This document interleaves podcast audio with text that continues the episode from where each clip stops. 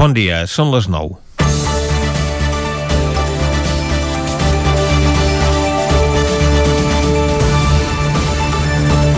El grup parlamentari del Partit dels Socialistes de Catalunya ha creat un govern a l'ombra per fiscalitzar la tasca d'Esquerra Republicana i Junts per Catalunya. Amb aquesta iniciativa, el partit guanyador de les eleccions es vol posicionar després de la constitució del govern com a oposició per guanyar visibilitat i evitar que es repeteixi la història de la darrera legislatura. Aleshores, Ciudadanos va guanyar les eleccions però no va poder ni optar a la investidura i va fer el paper de la trista figura a l'oposició, fins a quedar-se ara gairebé sense grup parlamentari perquè el seu projecte polític es limita a anar en contra dels catalans. El cas del Partit dels Socialistes és completament diferent, perquè és un partit amb una tradició que té un projecte per Catalunya i una sòlida implantació territorial. Altrament, no hagués sobreviscut a les atzagaiades electorals que ha patit. La presentació d'aquest govern a l'ombra es va fer al Palau Requesens, a Ciutat Vella, a imatge i semblança d'una reunió del Consell Executiu al Palau de la Generalitat. Salvador Illa ha format un equip amb 19 components, més dels que té el propi executiu català, i on hi ha més representants del territori 17 que no pas el govern independentista. El secretari general d'Units per Avançar, Ramon Espadaler, serà el titular de Seguretat i Convivència i és l'únic membre del govern a l'ombra que ha sigut conseller quan era dirigent d'Unió. El regidor de Granollers, Jordi Terrades, serà l'encarregat d'Infraestructures, Territori i Habitatge. I la regidora de Manlleu, Marta Moreta, s'encarregarà de món local, funció pública i esports, a part, esclar, del propi president del govern a l'ombra, també Vallèsà. A tots aquests diputats se'ls ha girat feina perquè, a part de les reunions quinzenals que farà ara aquest govern alternatiu, hauran de dur a terme alhora la seva activitat habitual al Parlament ja que els designats per illa tenen també responsabilitats com a portaveus, membres de la mesa o de les diferents comissions parlamentàries. La idea d'Illa no és nova perquè Pasqual Maragall ja va fer una cosa semblant l'any 2000 per fiscalitzar el govern de Jordi Pujol sense que la iniciativa reeixís massa. Ara bé, segons qui o on ho proposi, el PSC ho veu d'una manera o d'una altra, això dels governs a l'ombra. També n'hi han muntat un en contra seu al govern a Sabadell i no els ha fet cap mena de gràcia. El que tots agrairíem és que aquest govern a l'ombra no es limités només a fer oposició, sinó que també actués com farien en l'exercici real del càrrec en defensa dels interessos del país. Terrades així té la possibilitat de pressionar dia sí dia també contra els reiterats incompliments al Ministeri, es digués abans de foment o ara de transport, mobilitat i agenda urbana. Té una oportunitat d'or per apuntar-se al mèrit del desdoblament de la R3 si alguna hora es du a terme, perquè de la subhasta de les obres encara no se'n sap res. Tot just el Consell de Ministres ha decidit tirar endavant les obres de remodelació de les estacions de Parets, Granollers, Canovelles, les Franqueses i la Garriga per adaptar-les al primer tram del desdoblament. Només per fer aquestes obres d'adequació, valorades en 18 milions d'euros, hi tardaran 28 mesos. En no gaire més temps es va fer en el seu dia tot el recorregut de les franqueses a Barcelona o el molt més complex orogràficament de Vic a Ripoll. És el que passa quan les obres es fan al segle XIX o al segle XXI. Comencem Territori 17, a la sintonia del 9 FM, Ràdio Cardedeu, La Veu de Sant Joan, Ona Codinenca i el 9 TV. Territori 17, amb Vicenç Vigues i Jordi Sunyer. Són les 9 i gairebé 4 minuts del dimecres, dia 9 de juny de 2021. Comença ara mateix un nou Territori 17 que avui, com sempre, durant la primera hora us acostarà tota l'actualitat de les nostres comarques. Després, a partir de les 10, un nou butlletí informatiu, entrevista, avui per parlar del Festival Cabró Rock, que es farà a Vic aquest cap de setmana. També tindrem el Territori Sostenible amb en Jordi Givert. Al Descobrint Catalunya anirem al municipi de Sant Vicenç de Torelló, passarem per la R3 i i acabarem avui fent un repàs a l'agenda cultural per a aquest proper cap de setmana. Tot això ho farem des d'ara mateix i fins a les 12 del migdia i com sempre, per arrencar el que toca és fer un repàs a l'actualitat de les nostres comarques, les comarques del Ripollès, Osona, el Moianès i el Vallès Oriental.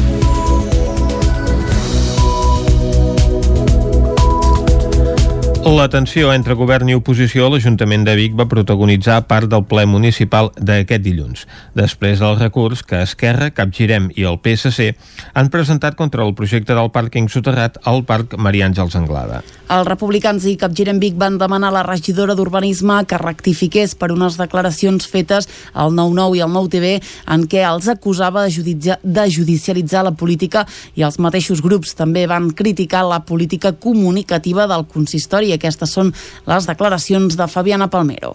Sembla que tot això que no podem acordar políticament que és el que hauríem de fer o com a mínim respectar les decisions eh, preses per la majoria arribin als tribunals. Sembla això que no volem de l'estat espanyol que ens fa nosaltres i aquí ho tenim a petita escala aquestes declaracions de la regidora d'Urbanisme després del recurs que han presentat conjuntament Esquerra, Capgirem Vic i el PSC al Tribunal Català de Contractes contra l'aparcament al Parc Maria Àngels Anglada van tenir protagonisme al ple de l'Ajuntament Bigatà de dilluns. Esquerra i Capgirem van demanar a Palmero que rectifiqués les seves paraules. Ella assegura que s'han tret de context. Sentim per aquest ordre a Carla Dinarès de Capgirem Vic i a Fabiana Palmero. No hi ha dret a banalitzar la repressió d'aquesta manera, eh, no ens volem ni imaginar la vergonya aliena que la gent empresonada o exiliada del seu propi partit ha hagut de passar llegint les seves declaracions, però entenem, eh, i nosaltres som les primeres, que tothom es pot equivocar, faltaria més. Si vostès van dir dimecres passat que veien esgotada la via política després d'haver exposat arguments al ple, a les comissions informatives i a les reunions de treballs, i per això es veien obligats a portar el tema als tribunals. Per tant, clarament estan judicialitzant les decisions polítiques que no els agraden. Capgirem Vic i Esquerra també van coincidir en criticar la política comunicativa de l'Ajuntament agafant com a exemple la roda de premsa en què van anunciar el recurs. Consideren que se n'hauria d'haver fet difusió a través de les xarxes socials i la web de la institució. Roger Mas és regidor d'Esquerra Republicana. Ha de quedar clar, entenc, que l'Ajuntament som tots i que si s'anuncia un acte de l'equip de govern també s'hauria d'anunciar un acte com el que va fer l'oposició en bloc la setmana passada. L'alcaldessa de Vicana ha remetia al final de la sessió que la comunicació entre govern i oposició no és prou fluida.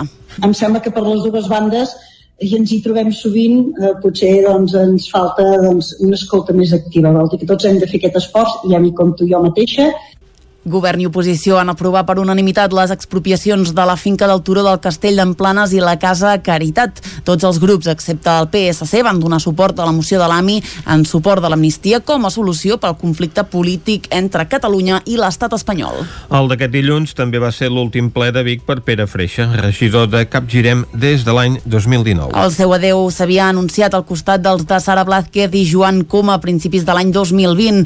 El seu discurs de comiat, el ja exregidor va agrair el tracte rebut i va ser crític amb les polítiques de Junts per Catalunya que governa a Vic amb majoria absoluta tot i el període complicat que m'ha tocat viure en aquest consistori degut a la pandèmia, o precisament per les reflexions que s'han derivat d'aquest episodi, ja hi ha el reconeixement pràcticament unànime de que calen serveis 100% públics i universals i que és necessari avançar cap a un millor repartiment i accessibilitat a tots els recursos, però aquí no hi ha cap canvi a la vista. No és la intenció de l'opció política que represento la de demorar més aquest canvi profund de sistema, tampoc la de mirar cap a una altra banda quan no estem d'acord a l'acció de govern, mentre això no s'afronta. A Pere Freixa el substituirà Marc Camacho. El Ripollès ja té més del 44% de la població vacunada contra la Covid-19 amb almenys una dosi.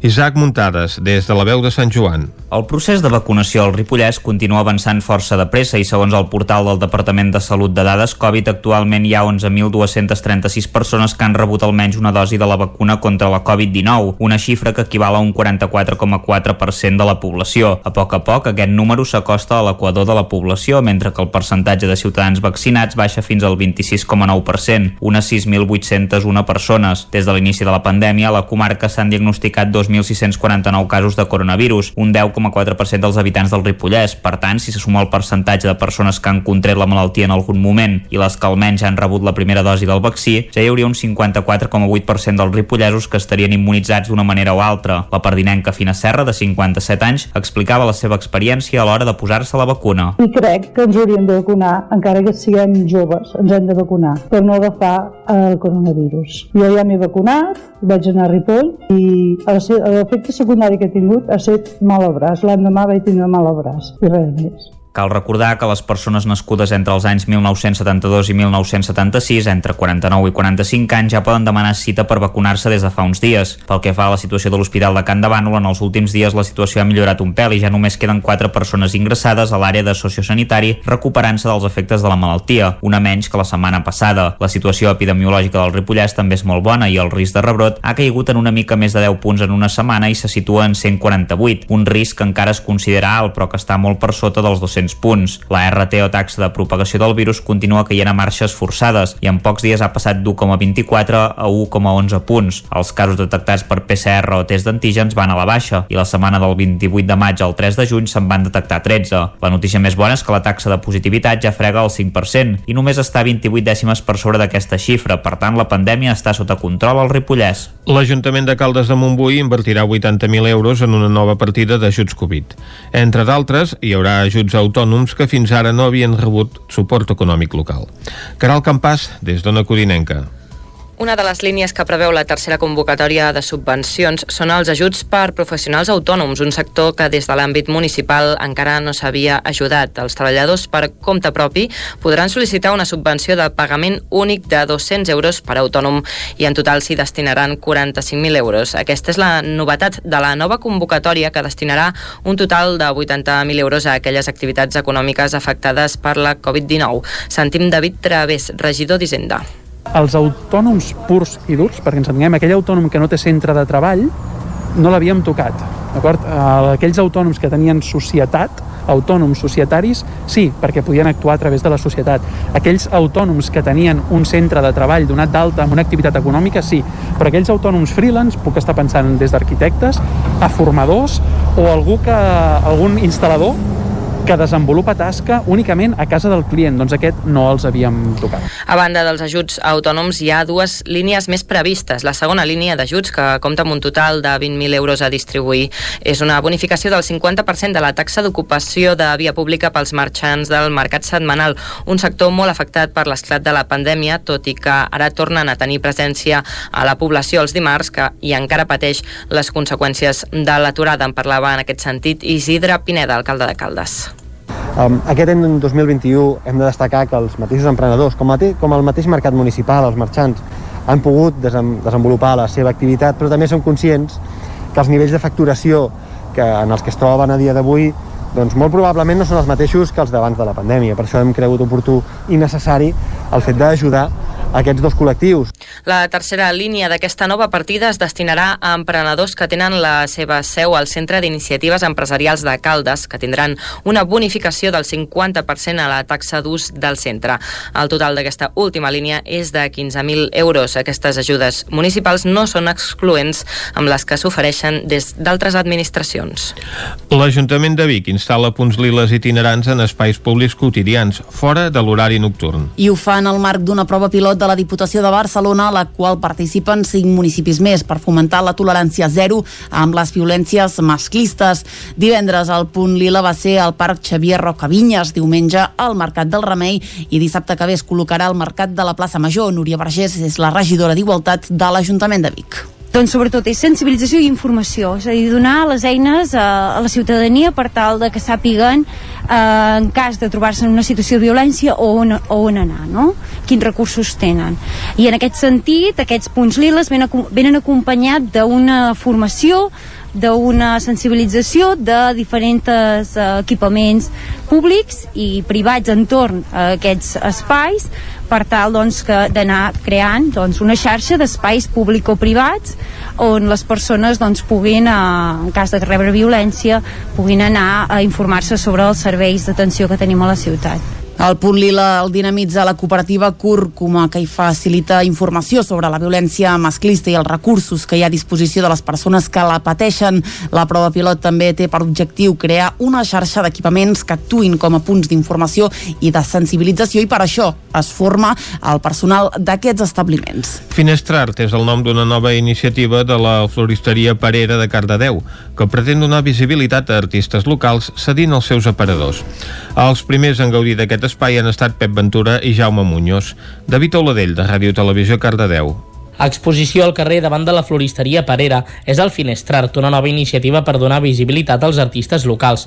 Es tracta de cedir els aparadors durant un o dos mesos i fer una exposició amb els artistes al carrer perquè tothom qui vulgui s'hi pugui apropar, parlar amb l'artista i veure l'obra exposada. Johanna Aguilar, de la floristeria Parera. Aquesta iniciativa eh, arrel de que ens vam donar compte de que els vidres d'aquesta botiga, les finestres, l'haver estat primer un banc i llavors una joieria eren com tenen molts brillos i moltes coses i la flor es deslluïa i no està molt, bé, molt ventilat, o sigui que no podríem posar planta.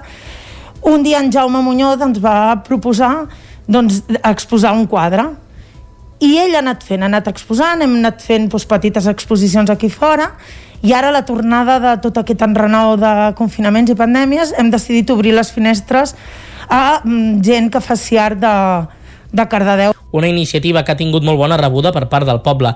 Amics i curiosos es van apropar durant la primera jornada per tal de poder veure les obres dels artistes Jaume Muñoz i Pep Ventura, que amb la pintura i la poesia han tret totes les mirades. Jaume Muñoz i Pep Ventura, artistes. El millor que hi ha pels artistes, per, primerament per donar-nos a conèixer, i després la gent que, que, que, no, que desconeixem, que també fa coses, pues és un lloc molt bo per posar i després que les noies ho decoren amb plantes i que, que dona ambient i dona un color al poble que és el, el que necessitem.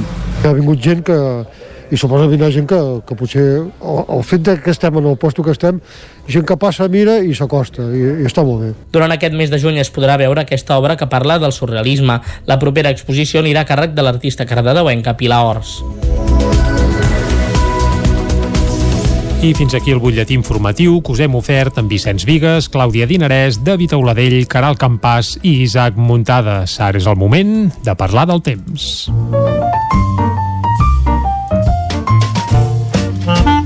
Casa Terradellos us ofereix el temps. I per parlar del temps saludem ara mateix en Pep Acosta. Bon dia, Pep. Molt bon dia. Molt bon dia. Benvinguts a l'Espai del Temps. Gràcies. Què tal esteu? Anar fent, anar fent. Com va la setmana? Eh. Espero que tot bé. Uh -huh. I és que pel que fa al temps, ara sí que sí, eh, ja es respira estiu, eh? Per tots els cantons. Déu-n'hi-do, i quines temperatures màximes. Eh, només dos exemples. 31 graus a Gurb, 27 a Mollà, i ja es veu com les temperatures es van disparant, van pujant les mínimes, per això encara són bastant fresques, les nostres comarques, encara es va, es va podent dormir bastant bé, tot i que hi ha algunes zones del nostre país on les temperatures mínimes ja superen els 20 graus. Uh, per sobre aquests 20 graus es considera uh, nits tropicals. Uh, per tant, ja comença a haver nits tropicals a la zona de la costa, eh, sobretot a la zona de la costa, on sovintegen molt durant l'estiu, i aquests primers dies de juny hi ha hagut alguna eh, nit tropical. A les nostres comarques encara no. Les mínimes, la majoria, entre els 12, els 17, 18 graus, com a molt. Eh, per tant, encara es pot dormir bastant bé, encara una mica de fresca, encara una mica de fresca a les nits. I ahir van créixer algunes nuvolades a la tarda, eh, que jo em consti no van deixar cap precipitació en les comarques, sí que cap al Berguedà i baixes zones pròximes, però a les nostres comarques crec que no va ploure en lloc. Eh, podran caure quatre gotes testimonials a alguna zona, però molt poca cosa. I avui arrenquem un nou dia Anem avui, amb va. molt de sol, eh, pràcticament ara mateix no hi ha ni un núvol, fa un dia magnífic, un dia d'estiu, un dia de platja, eh, tota la gent que, que no ha d'estudiar, no ha de treballar, pot gaudir d'aquest dia de platja, uh, i, bueno, i, i la que estudia i treballa també poder, es pot escapar un moment a la platja, a la piscina, uh, podeu gaudir-ho, sobretot al matí. Al matí serà un dia això, eh, un dia de platja, les temperatures màximes molt semblants a les d'ahir, els valors, la majoria, entre els 27 i els 31-32 graus, a tot estirar a les nostres comarques. Però, a diferència d'ahir, avui creixeran amb més ganes les nuvolades, creixeran amb més força les nuvolades i podem tenir tempestes, especialment al Moianès, Osona i el Ripollès, i també el Vallès Oriental cap, amunt, cap al voltant del Montseny, és a dir, preferentment en zones de muntanya. Atenció, perquè una pot ser forta. Atenció, eh? Atenció que poden haver-hi algunes tempestes fortes, tot i que el Servei Meteorològic de Catalunya indica que les més fortes cauran avui cap al Pirineu Occidental. No es descarta per això alguna tempesta forta també cap al Pirineu Oriental, tot i que seran menys probables.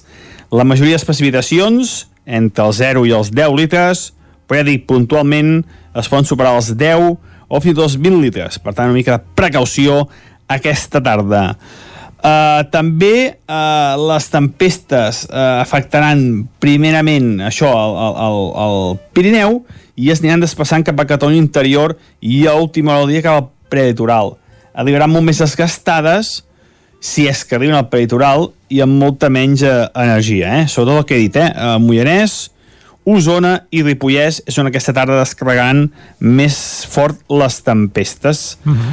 Uh, els vents de direcció variable, amb molts fluixos. Tenim ja aquest anticicló situat a les Azores, que és el protagonista de, dels nostres dies. Tot i que això, eh, tot i que aquesta mica, només, una, només que hagi una mica d'aire fred, ja fa disparar les nuvolades i provoca les tempestes que tenim aquesta tarda. Que tingueu un dimecres. Adeu. Vinga, gràcies, Pep. Tindrem el paraigua a punt aquesta, aquesta tarda. Amb paraigua, doncs, anem cap al quiosc. Casa Tarradellas us ha ofert aquest espai. Territori 17. Envia'ns les teves notes de veu per WhatsApp al 646 079 023. 646 079 023. WhatsApp Territori 17.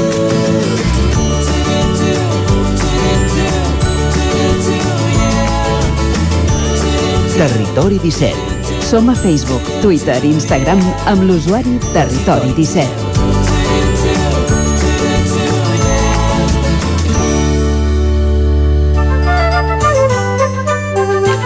Com us dèiem, anem ara al quiosc per veure què treuen en portada els diaris d'avui. Clàudia. Molt bon dia de nou. Comencem, com sempre, amb el punt avui que diu primeres esquerdes. Crítiques de l'independentisme a la nova posició d'Oriol Junqueras. La ANC en discrepa del tot, la CUP ho troba un error i Junts marca distàncies a la imatge, la selectivitat, com sempre, malgrat el Tribunal Superior de Justícia de Catalunya, només un 5% d'alumnes volen l'anunciat de les proves en castellà. Avui el punt entrevista a Santi Vílex, conseller de la Generalitat de Catalunya, que diu que els indults són necessaris però no resolen el problema. I Alba Vergés, a la mesa del Parlament, i Meritxell Budó, a Salut. Anem al diari Ara, que diu Junts per Catalunya i la CUP marquen distàncies amb Junqueras, demanen al líder d'Esquerra Republicana que no descarti cap via democràtica ni pacífica cap a l'autodeterminació. El secretari general de Junts i el grup parlamentari Copaire publiquen a l'Ara articles de resposta. Com veiem fa un moment al punt, a l'Ara també hi apareix aquest titular, eh? el 5% dels estudiants demanen la prova de selectivitat en castellà. A la imatge hi veiem doncs, un conjunt d'elefants perduts a la Xina, que avui també doncs, són notícies, sobretot eh, notícia a les xarxes socials. Anem al periòdico que diu el canvi climàtic amenaça amb un altre estiu de calor extrema. A la imatge, selectivitat sense embolic de llengües. Només el 5% dels alumnes van sol·licitar la prova en castellà després del mandat judicial que obligava a facilitar-la en tots els idiomes oficials. I Sanitat rectifica les restriccions horàries de bars i oci nocturn. Anem a l'avantguàrdia que diu Sanitat precisament renuncia a imposar restriccions a la restauració. El Ministeri recula per evitar una clatellada judicial i deixa les limitacions en mans de les autonomies a la imatge presó de per vida pel genocidi eh, pel genocida Mladic, eh, un titular que veurem a continuació i el front de rebuig dels indults es frena i es concentra a Madrid. Fem un recorregut ara per les portades dels diaris madrilenys. Anem al país que diu una caiguda global alerta de la fragilitat d'internet. Treball planteja limitar a un any els contractes temporals i com veiem fa un moment, us avançava que ho tornaríem a veure, doncs apareix aquí al país, a la imatge concretament, diu justícia per les víctimes de Srebrenica. Condemnat per genocidi. Anem al Mundo que diu Giró va finançar el sou de Jordi Sánchez als anys clau del procés. A la imatge aquí veiem és el rei que insta a fer a Espanya atractiva i en clau internacional Maduro reclama a Leopoldo López eh, per dir-li corrupte. A la Razón, eh, Sánchez contempla ser a la taula de diàleg amb Oriol Junqueras. Sanitat permetrà obrir discoteques i pubs després de la garrotada judicial i a la imatge aquí veiem és a Luis Enrique, entrenador de la selecció espanyola de futbol. El titular diu vacunats en el temps de descompte. Acabem, com sempre, amb l'ABC, que obre amb dos titulars. El primer diu avís dels homes de Rajoy a Catalunya. Uh, obre unes declaracions que interpretem que és d'algú del PP. Uh, diu amb Junqueras tot eren bones paraules, però llavors no complia res. Uh, el titular uh, principal diu el bolivarisme exté el seu poder per Iberoamèrica. L'èxit de Castillo porta el Perú a l'esquerra radical que governa Bolívia, Nicaragua, Mèxic i Argentina i desestabilitza Xile i Colòmbia. Complicada aquesta, eh, aquesta peça d'investigació que publica avui el Mundo en el que estableix una suposada relació entre el nomenament del conseller d'Economia Jaume Giró i Jordi Sánchez quan el primer doncs, era el eh, director general de la Fundació La Caixa per haver donat 250.000 euros en ajudes entre el 2015 i el 2017 a l'Observatori dels Drets de la Fundació Universitat Pompeu Fabra, on aleshores hi treballava Jordi Sánchez, que en aquell moment era president de l'ANC, això era molt abans de que se celebrés el eh, referèndum de l'1 d'octubre, de que es creés Junts per Catalunya, de que eh, doncs ells anessin a la presó, vaja, que mm, enllaçar tots aquests esdeveniments com si fos part d'una trama és una qüestió una mica rebuscada, sobretot tenint en compte que la Fundació La Caixa, en l'època de Jaume Giró, haurà donat, i, no, i, i des del de, moment doncs, que existeix aquesta fundació, dirigeixi qui la dirigeixi, haurà donat moltes ajudes a diferents entitats. Avui és un dia en el que les portades dels diaris doncs, no hi veiem cap fotografia repetida perquè tots, han, eh, tots els diaris han escollit eh, temes diferents o fotografies diferents d'un mateix tema. Ara, ara que hem fet aquest recorregut per les portades d'avui, nosaltres el que fem és tancar eh, aquest bloc informatiu.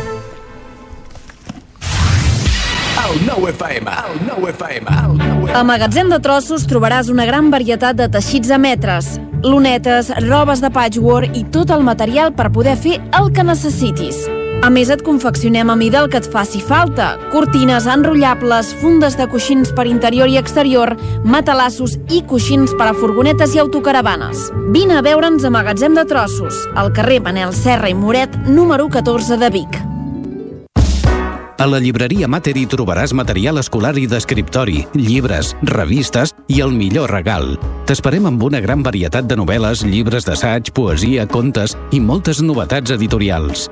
I per anar ben equipat a l'escola tenim motxilles, estoig, carpetes, llibretes, bolígrafs i molt més. Recorda que amb la targeta client tens descomptes. Mater, llibreters amb vocació des de 1957. Llibreria Mater. Ens trobaràs al carrer Pla de Balanyà número 23 de Vic i a mater.cat. Nou Baviera. La nostra proposta és senzilla, plena de sabors i valors. El nostre èxit és la senzillesa de la nostra carta amb productes frescos, de primera qualitat i de quilòmetre zero. Som especialistes en frankfurts, hamburgueses 100% de carn de vedella, entrepans i una de les millors patates braves de tot Vic. Amanides, plats combinats, tot al teu gust. Nou Baviera. Ho fem per tu, com si fos per nosaltres. Som al carrer Verdaguer número 36 de Vic. A Corretja tenim tot el que necessites per la teva llar. Tot tipus de paviments i revestiments, sistemes d'aïllament, cobertes, parquets, aixetes, ferreteria, pintures, fixació i cargoleria, vestuari i material de seguretat. Disposem de més de 3.500 metres quadrats d'exposició amb una nova zona exterior d'aïllaments. A Corretja som especialistes en cuines i banys. Us assessorem, dissenyem i realitzem el projecte des de l'inici fins a la fi del muntatge. 100% cuines, 100% banys. Al carrer Mas Vigues 8 de Vic, a corretja-sl.com o a Instagram. 100% materials per la construcció i la decoració. 100% corretja. El Roures Parc de Ceba. Obrim a partir del 26 de juny. pista de bola i pista 3x3, bar, zona pícnic i una gran caseta de boles. Dues piscines amb grans espais verds per adults i una piscina dedicada a infants amb màxima garantia d'higiene i seguretat. El Roures Parc de Ceba. Obrim cada dia, matí i tarda, amb reducció de preu per l'accés matinal. T'esperem al Roures Parc de Ceba. Hi ha sensacions que són úniques. Aquell bany relaxant, mirar per la finestra quan plou i com les calderes Bailand, que li ofereixen fins a 15 anys de cobertura total amb el servei tècnic oficial Bailand. Informis a Oficiat Nord trucant al 93 886 0040. Amb el servei tècnic oficial de Bailand, la seva caldera estarà en les millors mans. Territori 17, amb Vicenç Vigues i Jordi Sunyer. Dos quarts de deu en punt d'avui dimecres, dia 9 de juny de 2021. Seguim en directe a Territori 17 i de seguida us acostarem de nou tota l'actualitat de les nostres comarques. Després, a partir de les 10, més informació, una entrevista. Avui parlarem del Festival Cabró Rock, que es celebrarà aquest cap de setmana a la zona esportiva municipal de Vic. També tindrem Lletra Ferits, perquè és dimecres. Entrevistarem a l'escriptor Lluís Garcia des de la veu de Sant Joan. Tindrem Territori Territori Sostenible amb en Jordi Givert i avui, com que és dimecres, acabarem fent un repàs a l'agenda cultural per aquest proper cap de setmana. Tot això i moltes coses més les farem des d'ara mateix i fins al punt de les 12 del migdia. I el que toca ara per seguir és acostar-vos de nou l'actualitat de casa nostra, l'actualitat de les comarques del Ripollès, Osona, el Moianès i el Vallès Oriental. La tensió entre govern i oposició a l'Ajuntament de Vic va protagonitzar part del ple municipal d'aquest dilluns, després del recurs que Esquerra, Capgirem i el PSC han presentat contra el projecte del pàrquing soterrat al Parc Maria Àngels Anglada. Els republicans i Capgirem Vic van demanar a la regidora d'Urbanisme que rectifiqués per unes declaracions fetes al 9-9 i al 9-TV en què els acusava de, judicia de judicialitzar la política i els mateixos grups també van criticar la política comunicativa del consistori i aquestes són les declaracions de Fabiana Palmero.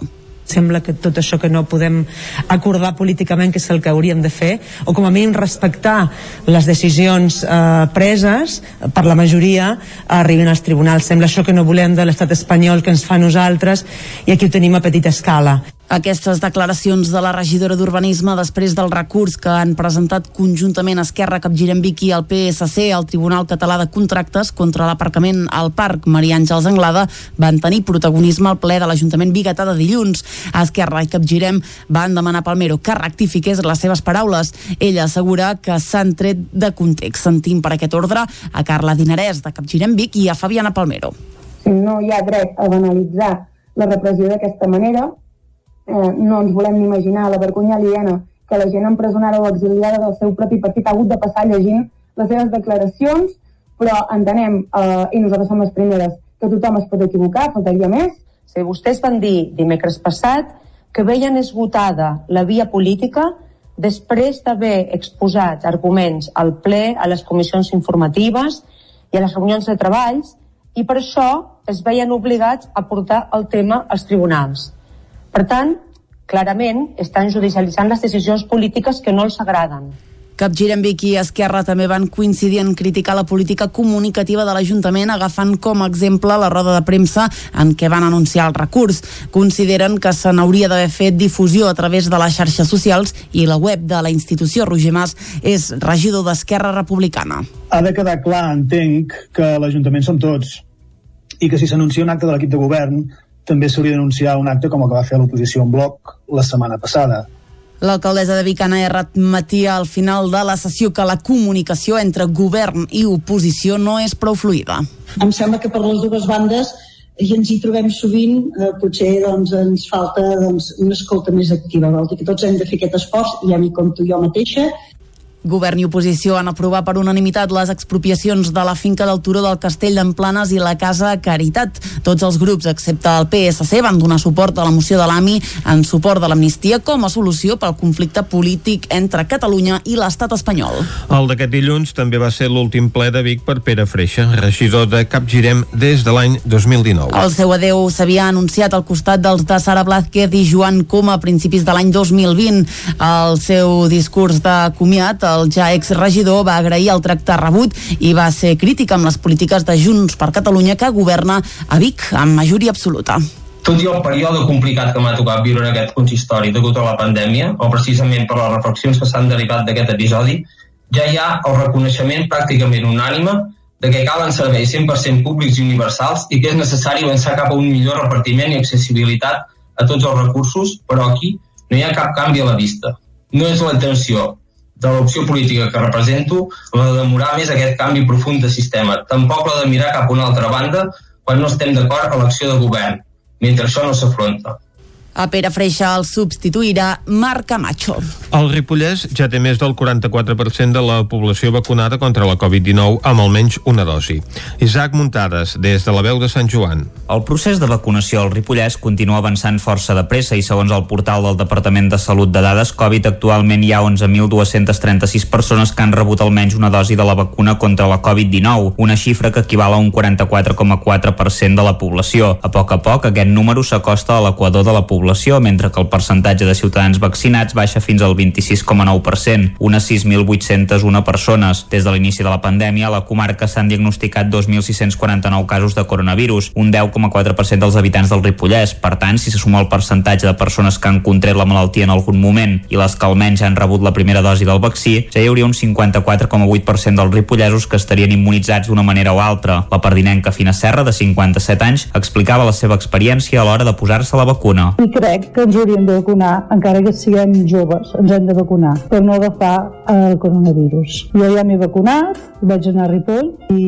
l'efecte secundari que he tingut ha estat mal al braç. L'endemà vaig tenir mal al braç i res més. Cal recordar que les persones nascudes entre els anys 1972 i 1976, entre 49 i 45 anys, ja poden demanar cita per vacunar-se des de fa uns dies. Pel que fa a la situació de l'Hospital de Can de Bànol, en els últims dies la situació ha millorat un pèl i ja només queden 4 persones ingressades a l'àrea de sociosanitari recuperant-se dels efectes de la malaltia, una menys que la setmana passada. La situació epidemiològica del Ripollès també és molt bona i el risc de rebrot ha caigut en una mica més de 10 punts en una setmana i se situa en 148, un risc que encara es considera alt però que està molt per sota dels 200 200 punts. La RT o taxa de propagació del virus continua caient a marxes forçades i en pocs dies ha passat d'1,24 a 1,11 punts. Els casos detectats per PCR o test d'antígens van a la baixa i la setmana del 28 de maig al 3 de juny se'n van detectar 13. La notícia més bona és que la taxa de positivitat ja frega el 5% i només està 28 dècimes per sobre d'aquesta xifra. Per tant, la pandèmia està sota control al Ripollès. L'Ajuntament de Caldes de Montbui invertirà 80.000 euros en una nova partida d'ajuts Covid.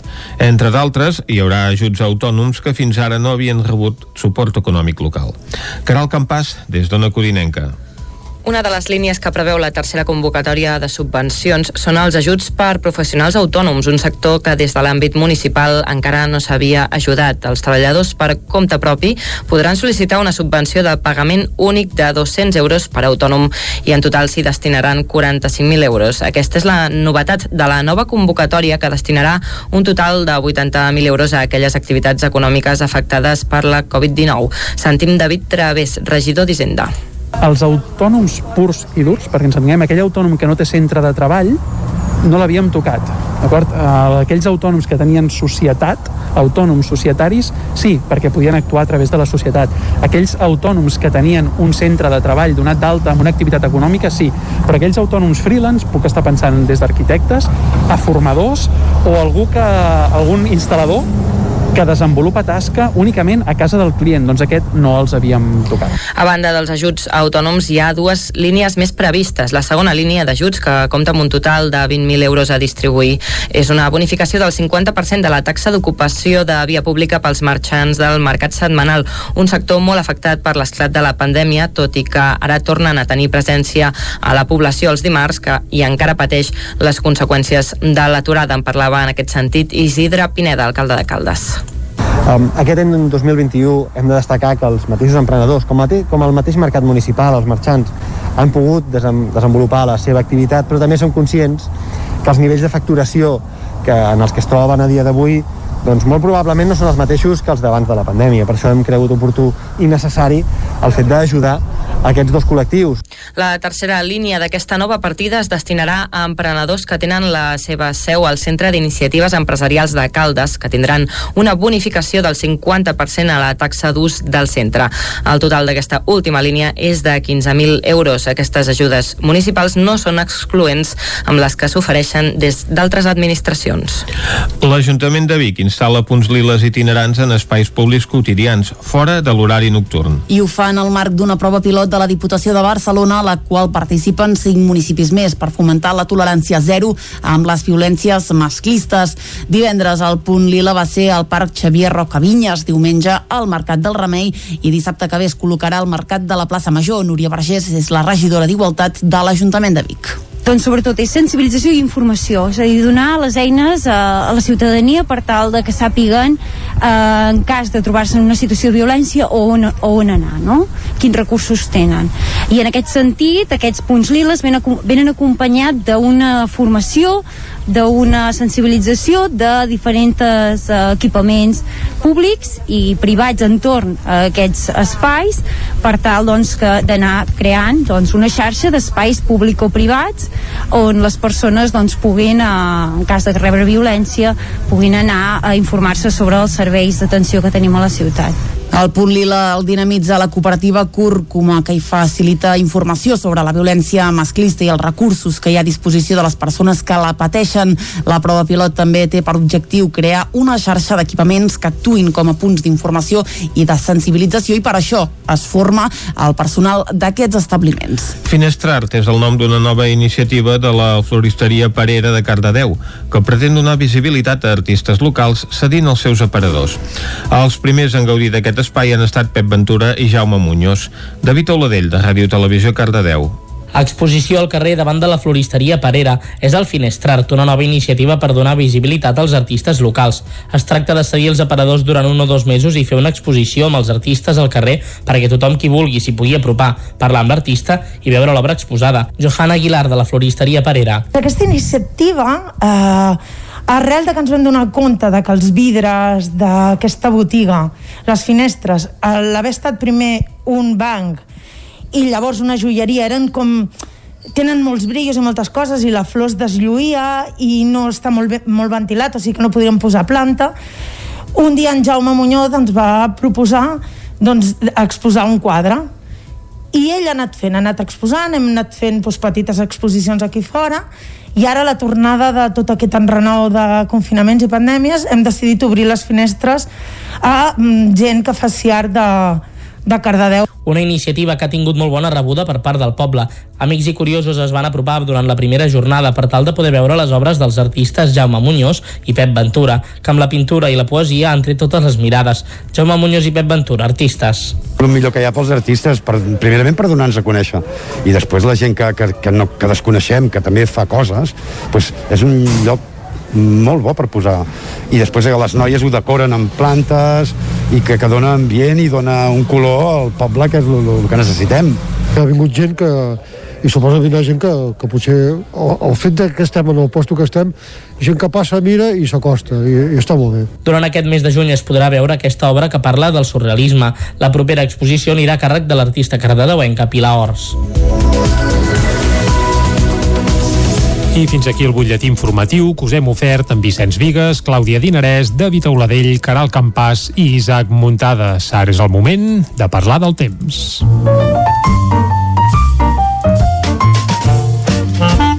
Casa Terradellos us ofereix el temps. I per parlar del temps saludem ara mateix en Pep Acosta. Bon dia, Pep.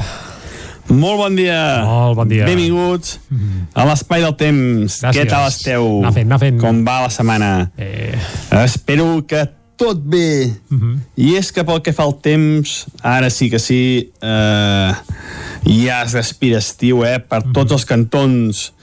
Déu-n'hi-do, i quines temperatures màximes. Eh, només dos exemples. 31 graus a Gurb, 27 a Mollà, i ja es veu com les temperatures es van disparant, van pujant les mínimes, per això encara són bastant fresques, les nostres comarques, encara es va, es va podent dormir bastant bé, tot i que hi ha algunes zones del nostre país on les temperatures mínimes ja superen els 20 graus. eh, per sobre aquests 20 graus es considera eh, nits tropicals. Eh, per tant, ja comença a haver nits tropicals a la zona de la costa, eh, sobretot a la zona de la costa, on sovintegen molt durant l'estiu, i aquests primers dies de juny hi ha hagut alguna eh, nit tropical. A les nostres comarques encara no. Les mínimes, la majoria, entre els 12, els 17, 18 graus, com a molt. Uh, per tant, encara es pot dormir bastant bé, encara una mica de fresca, encara una mica de fresca a les nits. I ahir van créixer algunes nuvolades a la tarda eh, que jo van deixar cap precipitació en les comarques, sí que cap al Berguedà i baixes zones pròximes, però a les nostres comarques crec que no va ploure en lloc. Eh, podran caure quatre gotes testimonials a alguna zona, però molt poca cosa.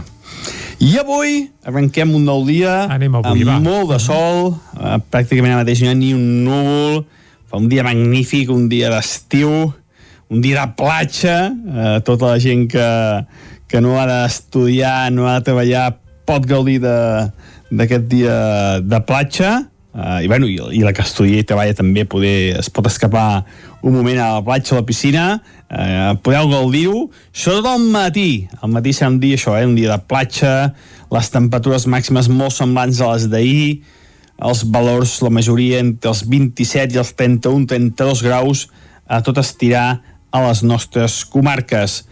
Però, a diferència d'ahir, avui creixeran amb més ganes les nuvolades, creixeran amb més força les nuvolades i podem tenir tempestes, especialment al Moianès, Osona i el Ripollès, i també al Vallès Oriental cap, amunt, cap al voltant del Montseny, és a dir, preferentment en zones de muntanya. Atenció, perquè una pot ser forta. Atenció, eh? Atenció que poden haver-hi algunes tempestes fortes, tot i que el Servei Meteorològic de Catalunya indica que les més fortes cauran avui cap al Pirineu Occidental. No es descarta per això una tempesta forta també cap al Pirineu Oriental, tot i que seran menys probables.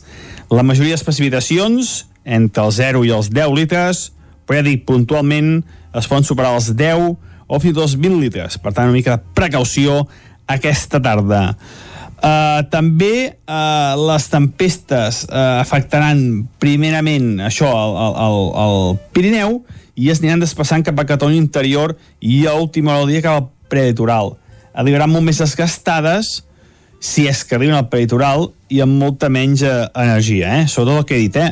Mollanès, Osona i Ripollès és on aquesta tarda descarregaran més fort les tempestes. Uh -huh.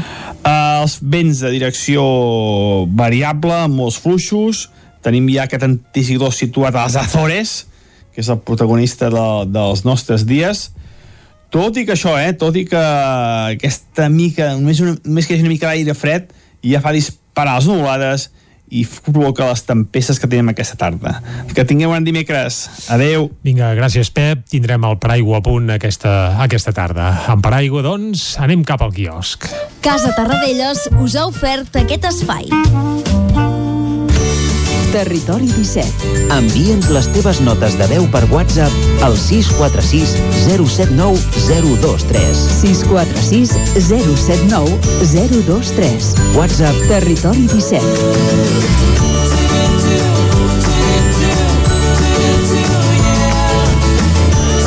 Territori 17. Som a Facebook, Twitter i Instagram amb l'usuari Territori 17.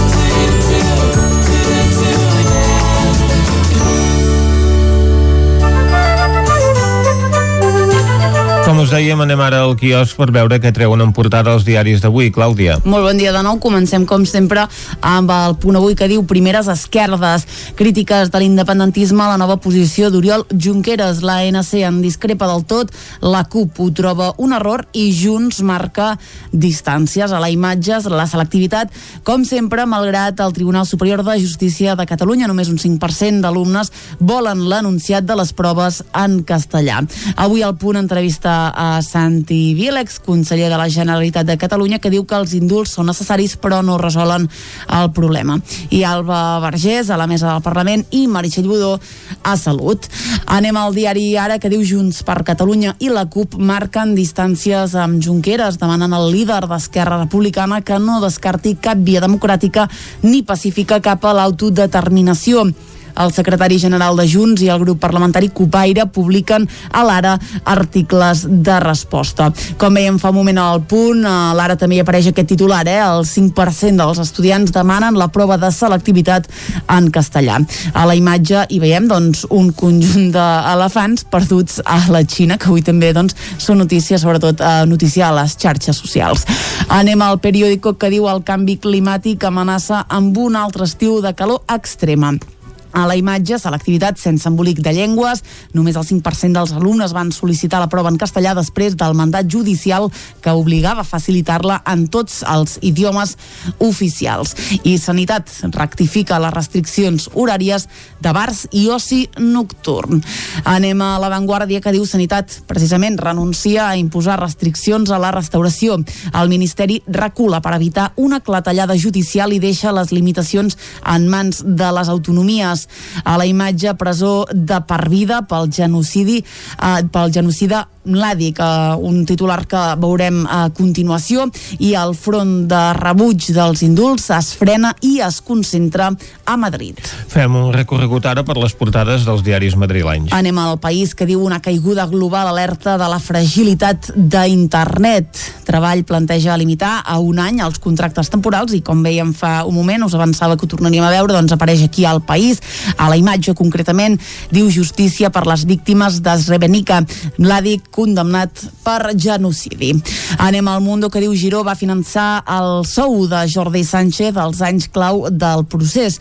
A la imatge aquí veiem és el rei que insta a fer a Espanya atractiva i en clau internacional Maduro reclama a Leopoldo López eh, per dir-li corrupte. A la Razón, eh, Sánchez contempla ser a la taula de diàleg amb Oriol Junqueras. Sanitat permetrà obrir discoteques i pubs després de la garrotada judicial i a la imatge aquí veiem és a Luis Enrique, entrenador de la selecció espanyola de futbol. El titular diu vacunats en el temps de descompte. Acabem, com sempre, amb l'ABC, que obre amb dos titulars. El primer diu avís dels homes de Rajoy a Catalunya. Eh, obre unes declaracions que interpretem que és d'algú del PP. Uh, diu amb Junqueras tot eren bones paraules, però llavors no complia res. Uh, el titular uh, principal diu el bolivarisme exté el seu poder per Iberoamèrica. L'èxit de Castillo porta el Perú a l'esquerra radical que governa Bolívia, Nicaragua, Mèxic i Argentina i desestabilitza Xile i Colòmbia complicada aquesta, aquesta peça d'investigació que publica avui el Mundo en el que estableix una suposada relació entre el nomenament del conseller d'Economia Jaume Giró i Jordi Sánchez quan el primer doncs, era el eh, director general de la Fundació La Caixa per haver donat 250.000 euros en ajudes entre el 2015 i el 2017 a l'Observatori dels Drets de la Fundació Universitat Pompeu Fabra, on aleshores hi treballava Jordi Sánchez, que en aquell moment era president de l'ANC, això era molt abans de que se celebrés el eh, referèndum de l'1 d'octubre, de que es creés Junts per Catalunya, de que eh, doncs ells anessin a la presó, vaja que mm, enllaçar tots aquests esdeveniments com si fos part d'una trama és una qüestió una mica rebuscada, sobretot tenint en compte que la Fundació La Caixa en l'època de Jaume Giró haurà donat i no i, i des del de, moment doncs, que existeix aquesta fundació, dirigeixi qui la dirigeixi, haurà donat moltes ajudes a diferents diferents entitats. Avui és un dia en el que les portades dels diaris doncs, no hi veiem cap fotografia repetida perquè tots, han, eh, tots els diaris han escollit eh, temes diferents o fotografies diferents d'un mateix tema. Ara, ara que hem fet aquest recorregut per les portades d'avui, nosaltres el que fem és tancar eh, aquest bloc informatiu. Molt bé, doncs Vicenç, tanquem el bloc informatiu i anem al bloc musical. Uh, deixa'm dir per això que la meva fotografia preferida és aquesta dels elefants, eh? I tant. Uh, es veu que hi ha un ramat d'elefants passejant per la Xina, i són una quinzena d'exemplars que ja fa mesos que es van escapar de no sé quina reserva i resulta que s'estan convertint en tota una atracció i, i bé... Que van voltant per tot el país, que no és precisament petit. Sí, no sé, no sé, fan una fa migració i que vés a saber on acabarà o on acabaran espategant, però com a curiositat, eh, la veritat és que, que té la seva, la seva gràcia. Oh, i però tant. Uh, anem ara a temes musicals, per això, perquè avui portem una cançó d'estrena, però d'un grup que precisament no seria d'estrena perquè té gairebé, vaja, més de tres dècades a les espatlles. Uh -huh. Estem parlant de Sau. Ah. Uh, Sau, que ara s'han rebatejat com a Sau 30, van fer una reaparició posant-se aquest cognom de 30 quan van fer 30 anys, ara ja han passat d'aquests 30 anys, i cal dir que els Sau 30 estan ara fent una gira que es diu Quina nit, per celebrar precisament els 30 anys del Quina nit, aquell disc més emblemàtic que és el que segurament els va catapultar a la fama. I tant. I precisament lligat a aquell disc eh, expliquem que se n'ha fet un llibre també d'aquell eh, disc, un llibre que es titula Quina nit, que han escrit el Pep Sala i el Joan Capdevila a quatre mans, i aquest llibre doncs eh, precisament es va presentar ahir el Quatre Paraules del Nou TV i està ple d'anècdotes i curiositats lligades a l'enregistrament d'aquell disc i té certa gràcia però ara no volem parlar del llibre sinó que volem parlar d'una cançó nova que ha fet Sau 30, és a dir, Sau 30 quan van ressuscitar, doncs evidentment es limitaven únicament a recuperar els clàssics de la formació usonenca, però aquesta setmana han fet una peça nova, es titula Saludant els àngels, l'escoltarem sencera de cap a peus aquí a Territori 17, i és una peça que va néixer per encàrrec de la campanya Posem-li pebrots al càncer. Mhm. És una campanya que, bé, pel seu nom ja es veu que, que es dedica a combatre el càncer. Fa set anys que es du a terme aquesta iniciativa i el padrí de l'edició d'aquest 2021 d'aquesta iniciativa és Pep Sala. Ah. I clar, Pep Sala va dir, ostres, doncs ja que apadrino la campanya Posem-li pebrots al càncer, doncs faré una cançó especial eh, dedicada a aquesta iniciativa solidària i a més a més tots els beneficis que sorgeixin d'aquesta cançó doncs aniran precisament per la campanya Mhm. i la peça és això, es titula Saludant els àngels i l'escoltem ara mateix aquí a Territori 17 i amb això arribarem fins al punt de les 10 ressusciten el Sau, Sau 30 Escoltem-los. amb una peça acabada de sortir del forn Saludant els àngels I a més a més solidària. Exacte.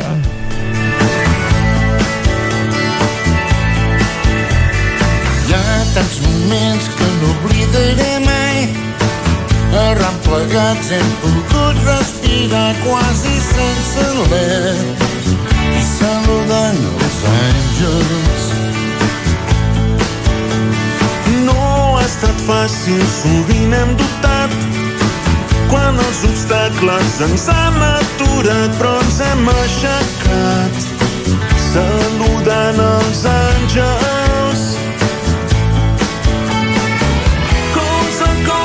Ha dos pebrots, dos maldestres sense cap temor. Cantant a la vida com dos somiadors, volant sempre junts i lluitant amb la força al cor. Passi el que passi, amic meu, fem un darrer glop.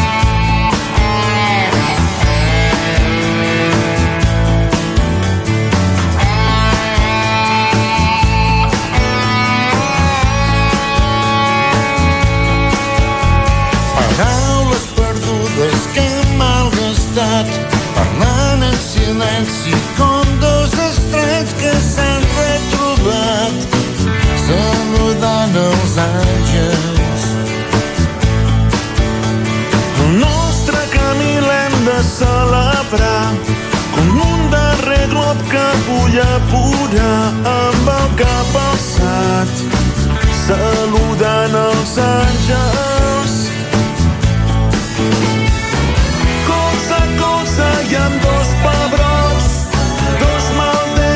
sense cap temor reptant a la vida com dos somiadors volant sempre junts i lluitant amb la força al cor. Passi el que passi amic meu fem un darrer glor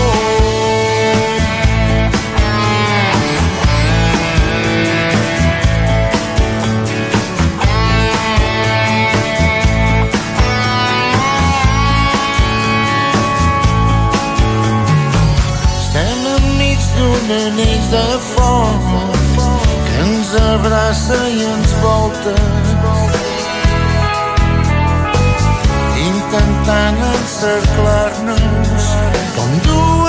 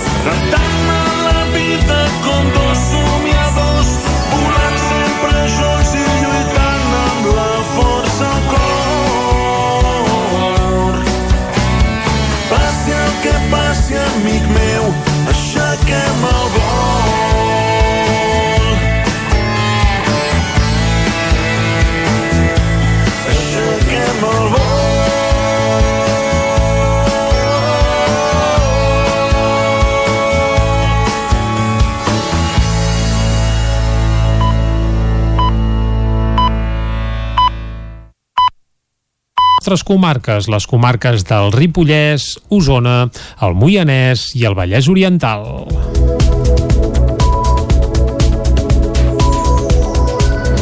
Prop de 800 estudiants d'Osona van començar ahir al matí els exàmens de selectivitat. Com l'any passat, els alumnes es reparteixen entre el campus de Miramarges i l'edifici de Can Bauman de la UBIC UCC. Les proves no estan exemptes de polèmica. Per primera vegada, en accedir a les aules, els alumnes es van trobar amb un cartell que els recordava la possibilitat de fer la prova en català, castellà o aranès. El campus de Miramarges de la Universitat de Vic acull des d'ahir al matí el gruix principal d'estudiants d'Osona que s'examinen de la selectivitat. Fins divendres, els més de 800 alumnes es repartiran en 40 aules de la UBIC i 6 de l'edifici de Can Bauman, tot plegat amb les mesures habituals per evitar la propagació del coronavirus. Ahir al matí, abans que els alumnes accedissin a les aules, personal de la neteja desinfectava a fons tots els espais. Per primera vegada a la porta de totes les aules, un cartell recordava als estudiants la possibilitat de fer la prova en català, en castellà o en aranès. És el resultat de l'ordre emès aquest dilluns pel Tribunal Superior de Justícia de Catalunya que va obligar el govern a facilitar els anunciats dels exàmens en les tres llengües. El president del Tribunal 046 de Vic, Xavier Palomer, va voler treure ferro a la polèmica. Sempre hem tingut opcions en castellà, sempre. I, de fet, eh, aquí, concretament, als Tribunal de Vic, que jo he estat sempre, eh, mai han faltat exàmens en castellà. Mai s'ha quedat ningú sense exàmens i, si eh, fos el cas, doncs anirien a fer fotocòpies. A dos quarts de deu del matí els alumnes van acabar la prova de llengua castellana i literatura. En ser preguntats per quin era l'examen més temut, hi havia quòrum. A veure, el que em fa més por és el que ve ara, és matemàtiques. L'examen que em fa més por és el de matemàtiques, del científic. L'examen que em fa més por és el de matemàtiques. El que em fa més por és el de matemàtiques aplicades a les ciències socials. A mi, personalment, estic entre història i matemàtiques del batxillerat científic. Les proves d'accés a la universitat arriben després d'un curs convuls que ha combinat les classes presencials amb les telemàtiques. Avui dimecres els alumnes s'examinaran de llengua catalana i de llengua estrangera. Les proves de matemàtiques comunes finalitzaran demà dijous amb l'examen d'història. Entre dijous i divendres serà el torn de les assignatures específiques. Esquerra Republicana de Sant Joan de les Abadeses demana que s'actuï contra el tràfic de drogues al centre de la vila.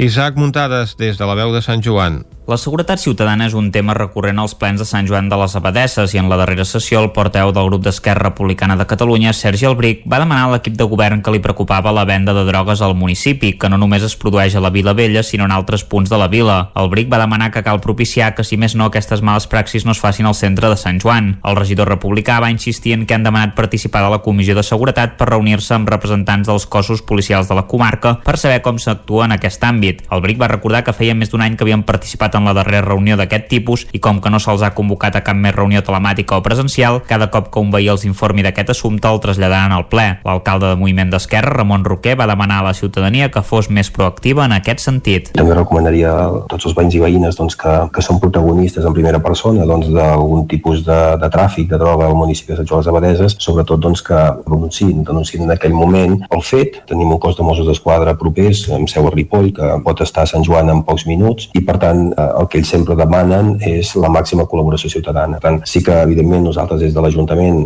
també hem de treballar i vetllar nosaltres més des de la pedagogia i més de la sensibilització doncs, perquè tot això doncs, no es produeixi, però sí que és veritat que en termes de seguretat bàsicament és el cos de Mossos d'Esquadra a través dels, de la seva unitat especialitzada la que ha d'actuar en aquest sentit. No? I per tant és molt important la col·laboració ciutadana. De fet jo, si algú me'n parla, sempre sempre li demano un plus més d'implicació. Una foto sobre el fet, una foto sobre la persona, una... L'alcalde també va recordar-li que en la darrera comissió de seguretat van assistir-hi el cap dels Mossos d'Esquadra, el responsable de l'àrea de drogues i un equip de tres policies més, mentre que del grup d'Esquerra només va assistir-hi la DIL Lluïsa Pérez. Roquer deia que si tant els interessava el tema haurien d'intentar ser-hi els màxims possibles. El Bric va recriminar-li aquestes paraules. Crec que hauríem de ser mica que respectuosos. Si es fa una reunió i ve la senyora Lluïsa Pérez i també el senyor Josep Vilalta, són regidors del grup d'Esquerra Republicana, grup, equip, eh, que això vostès no sé si ho saben com funciona, però un equip no cal que tots cinc siguem en una reunió, sinó que senzillament si hi ha una representació del grup després i és com si fóssim tots, vull dir, per tant això som un grup, perquè els grups funcionen amb saber delegar, amb saber repartir, que per tant allò no pot arribar-hi un, si pels motius que siguin, doncs hi arriba l'altre, no? I per tant ser cinc, i per això i tant en triem pit som cinc, perquè som un equip de cinc, doncs allà on no arriba un, arriba l'altre, i per tant un hi va en representació de l'altre, això és el treball en equip. Roquer va demanar disculpes al·legant que no recordava que Vilalta hi hagués participat i que era el grup d'Esquerra que havia de decidir com s'organitzava i per tant va tancar la polèmica dient que no hi havia res més a dir. Un camió carregat de compost orgànic es va accidentar i es va incendiar ahir al matí a la C62, l'eix del Lluçanès, en terme de Sant Bartomeu del Grau. Els bombers van rebre l'avís poc abans de dos quarts de nou del matí. El foc que va provocar el vehicle en accidentar-se es va estendre a la vegetació del costat de la carretera i els bombers també van haver de recollir el vessament de gasoil. No hi va haver ferits i el conductor del camió va poder sortir del vehicle segons els bombers. Els Mossos d'Esquadra van tallar el trànsit durant gairebé tot el matí i el van desviar cap a rutes alternatives. A primera hora de la tarda, la circulació per la C62 ja havia recuperat la normalitat. La cancel·laderia Molís de Manlleu guanya una de les categories de la quarta edició del concurs nacional de llonganissa tradicional. La llangonissa que elaboren els germans Toni i Dani Molís, segona generació de la cancel·laderia Molís de Manlleu, ha estat una de les guanyadores del quart concurs nacional de llangonissa tradicional en la categoria tipus plana de Vic. En aquesta mateixa categoria ha quedat en segona posició el xarcuter Sergi Mas d'Embotits Vall del Gès de Sant Pere de Torelló. En aquesta quarta edició, convocada per la Confraria del Gras i el Magre i la Fundació Oficis de la Carn, hi van prendre part un total de 24 llangonisses en tres apartats. Llangonissa tradicional tipus pagès, llangonissa tradicional tipus plana de Vic i llangonissa tradicional sense floridura. Els germans Molís ja s'havien imposat a la primera edició, llavors com la millor llangonissa tradicional. El Museu Termàlia de Caldes de Montbui crea un joc de pistes per conèixer la història de la cacera de bruixes a la vila. És la primera vegada que el museu s'autoprodueix una activitat d'aquest tipus. Caral Campàs, des d'Ona Codinenca. El Termali ha presentat aquest dimarts una nova proposta pensada tant per les persones que visitin Caldes com per la mateixa gent del poble. Es tracta de l'Escape Tour Lo negoci de les bruixes, un joc de pistes que permet descobrir un dels episodis més negres de la història local, la persecució i execució de 13 dones acusades de bruixeria al 1619. Carme Germà, regidora de Turisme, destacava la doble vessant lúdica i educativa d'aquest Escape Tour. Tant és el, el fet de trobar les pistes, de xifrar-les i arribar a la solució final, diguem, de, del, del joc, com gaudir del joc mentre estàs jugant, perquè hi ha tota aquesta part del, del, de tota la història i de tots els àudios que et vas trobant i això fa que sigui una experiència completa, perquè no només és jugar a trobar les pistes i a desxifrar, sinó que també és aprendre mentre estàs jugant. El joc transporta els participants a aquell caldes del segle XVII en què es van produir la caça de bruixes. Inicialment els participants reben una cistella amb diferents estris de la vida quotidiana de l'època i diferents codis QR que en llegir-los amb el telèfon mòbil donen accés a una escena sonora que cal escoltar i d'aquesta manera conèixer les pistes per seguir endavant. D'aquesta manera, mentre juguen, els participants coneixen aquesta part de la història de Caldes mentre visiten alguns dels llocs més emblemàtics del municipi. Oriol Castilló, creador del joc, explicava en la presentació d'aquest dimarts al matí el que cal fer per participar. El necessari per poder jugar seria fer-nos una trucadeta, vale? a la web del museu està tota la informació publicada, quedar amb nosaltres per una hora, dintre de les que hi ha disponibles, i llavors en grups de 5 persones, vale? perquè l'experiència és com més fàcil eh, doncs, si es fa amb aquests grups així reduïts, eh, doncs, venir, contrastar la- l'experiència i llavors es dona un temps de sortida i una hora d'arribada. Vale? Aquí el concepte aquest de l'escape tour, l'escape room, no? que té un temps limitat, etc. Jo m'atreviria a dir que aquesta experiència nostra no es tracta tant del córrer, sinó de les vistes, vale? perquè realment la història a, a darrere d'aquest joc és molt interessant, no? la persecució de la bruixeria a Caldes que és completament diferent del que la gent es podria imaginar. L'activitat pensada per a grups de com a màxim 5 persones té un preu de 25 euros per equip. La iniciativa està adreçada a tot tipus de públic, però poc recomanada per infants sense l'acompanyament d'un adult per la complicació del joc que comença a la plaça de la Font del Lleó amb la primera de les set escenes. El temps màxim per completar-lo és de dues hores, tot i que es pot fer en menys estona. Els concursants d'Operació Paqui estan gravant un tema dels que han cantat el concurs que es publicarà en format CD. David Oladell, de Ràdio Televisió, Cardedeu. Des del final d'Operació Paqui, les concursants estan preparant el concert del proper 3 i 4 de juliol. Des del casal de joves La Paqui, però, han volgut fer un pas més i gravar un CD amb 10 cançons, una per cada concursant, i poder vendre'n 100 còpies durant els concerts al Teatre Auditori de Cardedeu. Cada concursant ha escollit la cançó que volia que formés part del CD, així com els duos. Ula Montaner, productor musical de La Paqui Records. S'ha notat el, tot el bagatge que han viscut durant el programa, més que res perquè a l'arribar aquí sí que hi ha hagut algun moment o alguns moments, evidentment, com de nerviosisme o de que no em surt o el que sigui, però de seguida ja és com que um, elles mateixes en general ja han desenvolupat com els mecanismes per, uh, per autogestionar-ho pràcticament. Llavors, diguem-ne que ha sigut un acompanyament bastant relaxat en general, en què um, més enllà de gravar pròpiament i tal, ha fet falta molt poca intervenció perquè ho comencen a tenir bastant mamat, la veritat. Aquest CD s'està gravant a la Paqui Records amb l'ajuda del casal de joves La Paqui, un espai que està obert a totes les joves que vulguin enregistrar un tema individualment o en grup. Primer, però, han d'omplir un formulari des de la Paqui, gestionaran totes les demandes que de moment són bastant elevades. Amant Molero, dinamitzador de la Paqui. però que tenim moltes ganes que no quedi només en projectes individuals, uh -huh. que moltes vegades retroalimenta bastant el discurs aquest individualista de la música i l'artisteo, etc etc, i que hi ha algú molt potent de, igual que s'ha fet amb Operació Paqui, ara amb el CD de rap igual, de treballar col·lectivament i generar projectes col·lectius perquè trenques molt amb, amb la dinàmica capitalista, no hi ha més. I és, i és algo que, que ens mola bastant més. Un cop gravades les 10 cançons dels concursants d'Operació Paqui, es farà una mescla final i es faran 100 còpies físiques que trobareu el proper 3 i 4 de juliol al Teatre Auditori de Cardedeu. I fins aquí el butlletí informatiu de les 10 del matí que us hem ofert amb Vicenç Vigues, Clàudia Dinarès, David Auladell, Caral Campàs i Isaac Muntades. I ara, abans d'anar cap a l'entrevista, avui per conèixer els detalls del Cabró Rock, que celebrarà aquest cap de setmana a Vic, el que farem és una nova ullada a la situació meteorològica.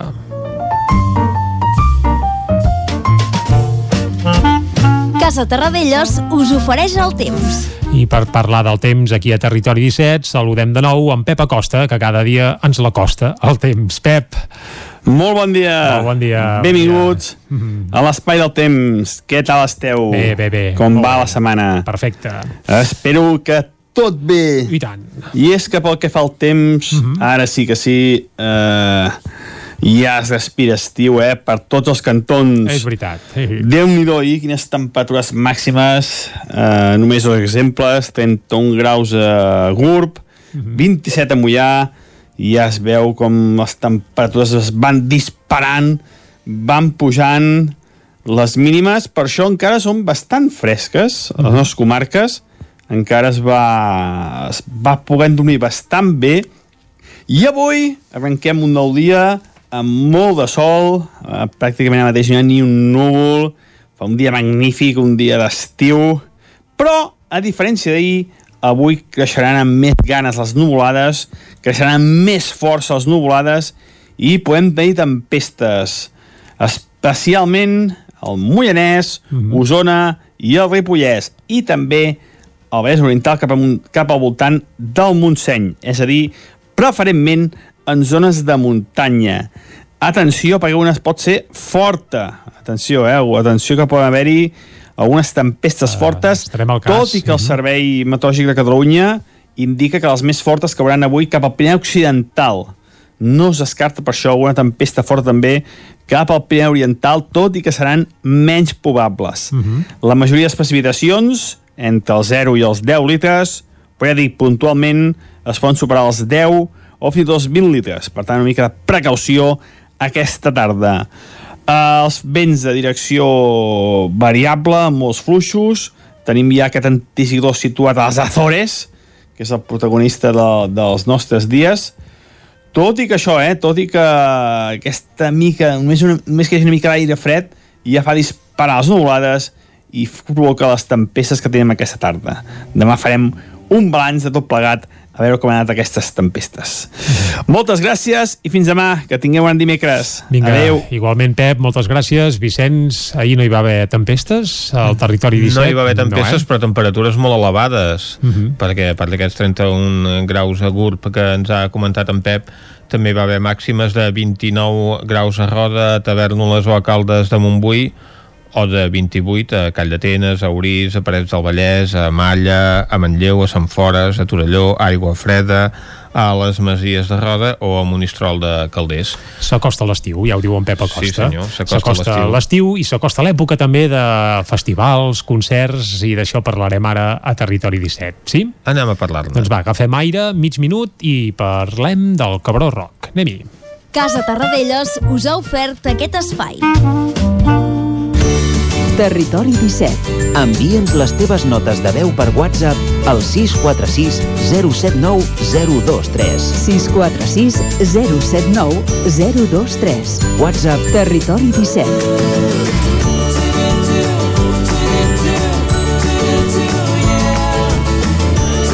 Territori 17. Som a Facebook, Twitter i Instagram amb l'usuari Territori 17.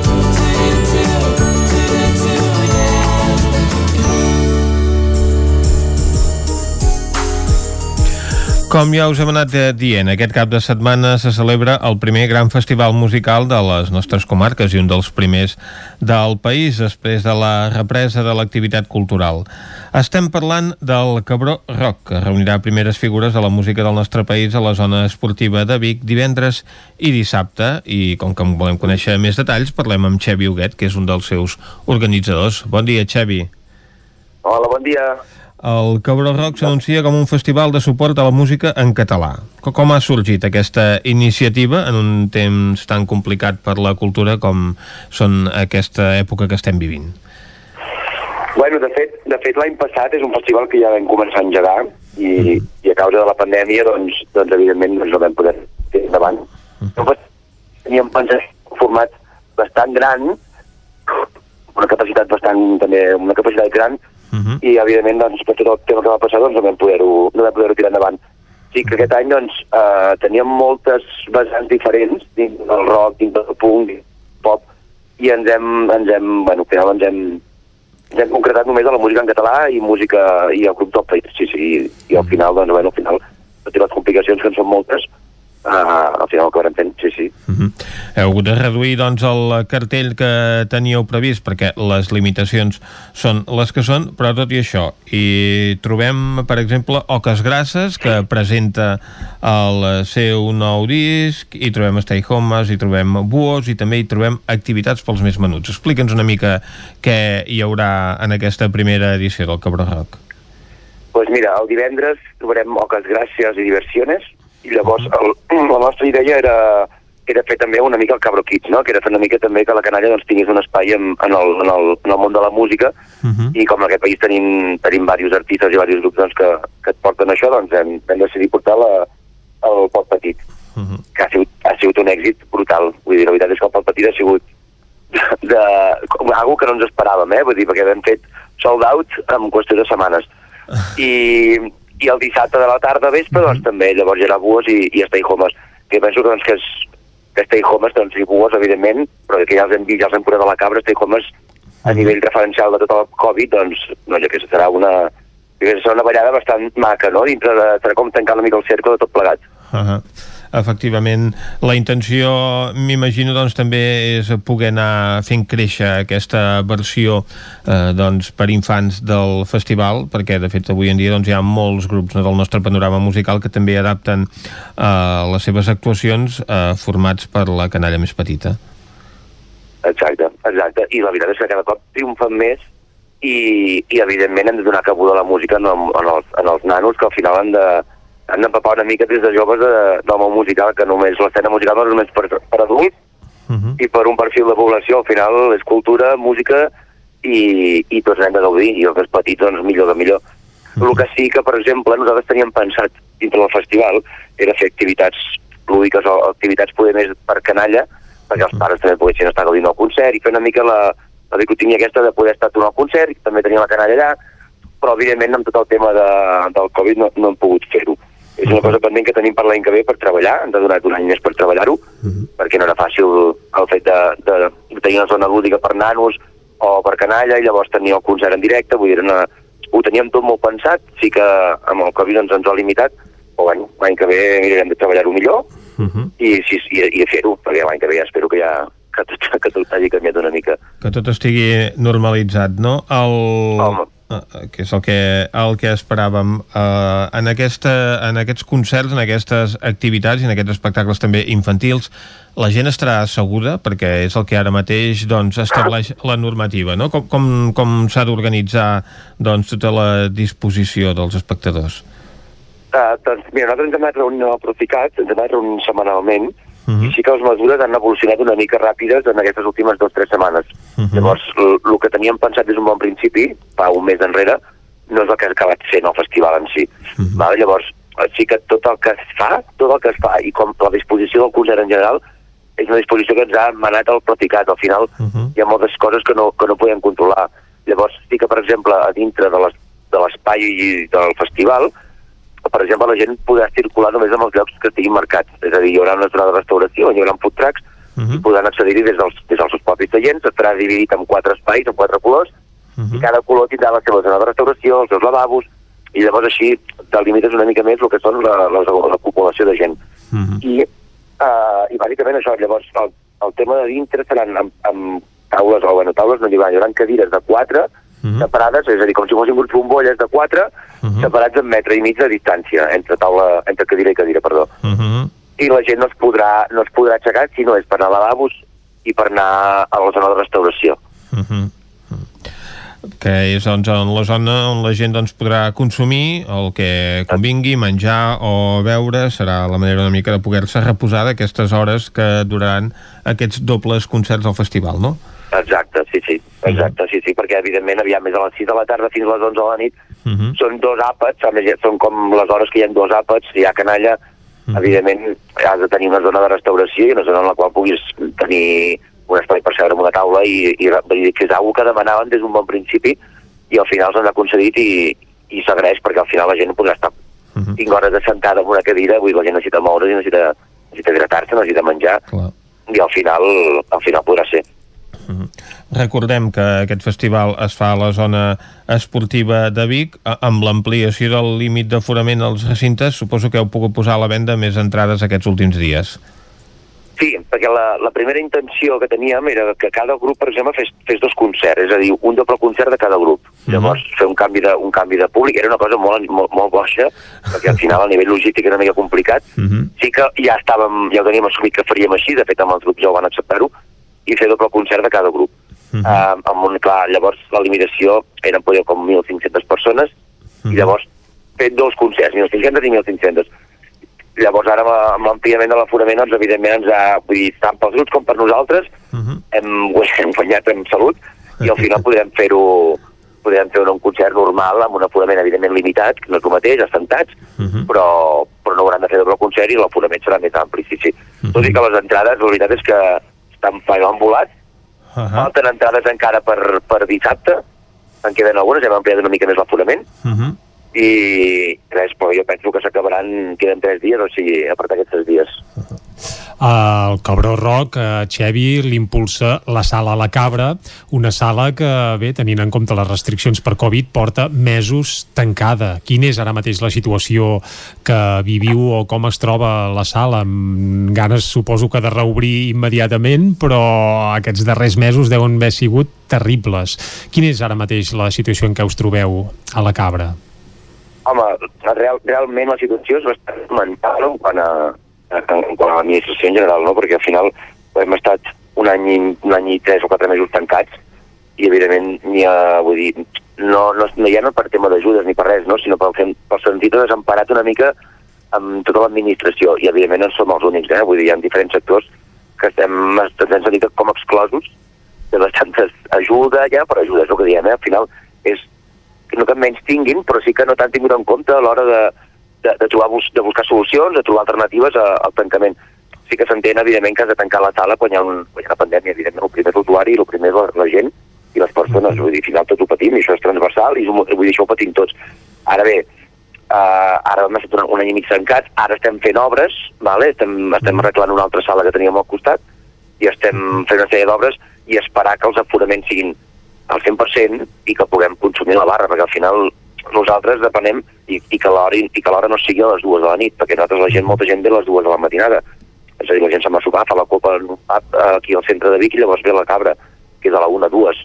Clar, no, a nivell, a nivell no, no, no, no surt a compte obrir la, una sala de concerts discoteca amb aquestes limitacions que hi ha ara. Uh -huh. Ara bé, una mica, una mica motivat en el sentit de dir, bueno, setembre, esperem l'objectiu, mm. i a partir de llavors sí que... És a dir, ara, ara mateix l'objectiu que teniu és aquest, obrir el setembre amb, diguem-ne, amb condicions uh, més o menys convencionals. És a dir, a l'estiu ja, entre cometes, el descarteu?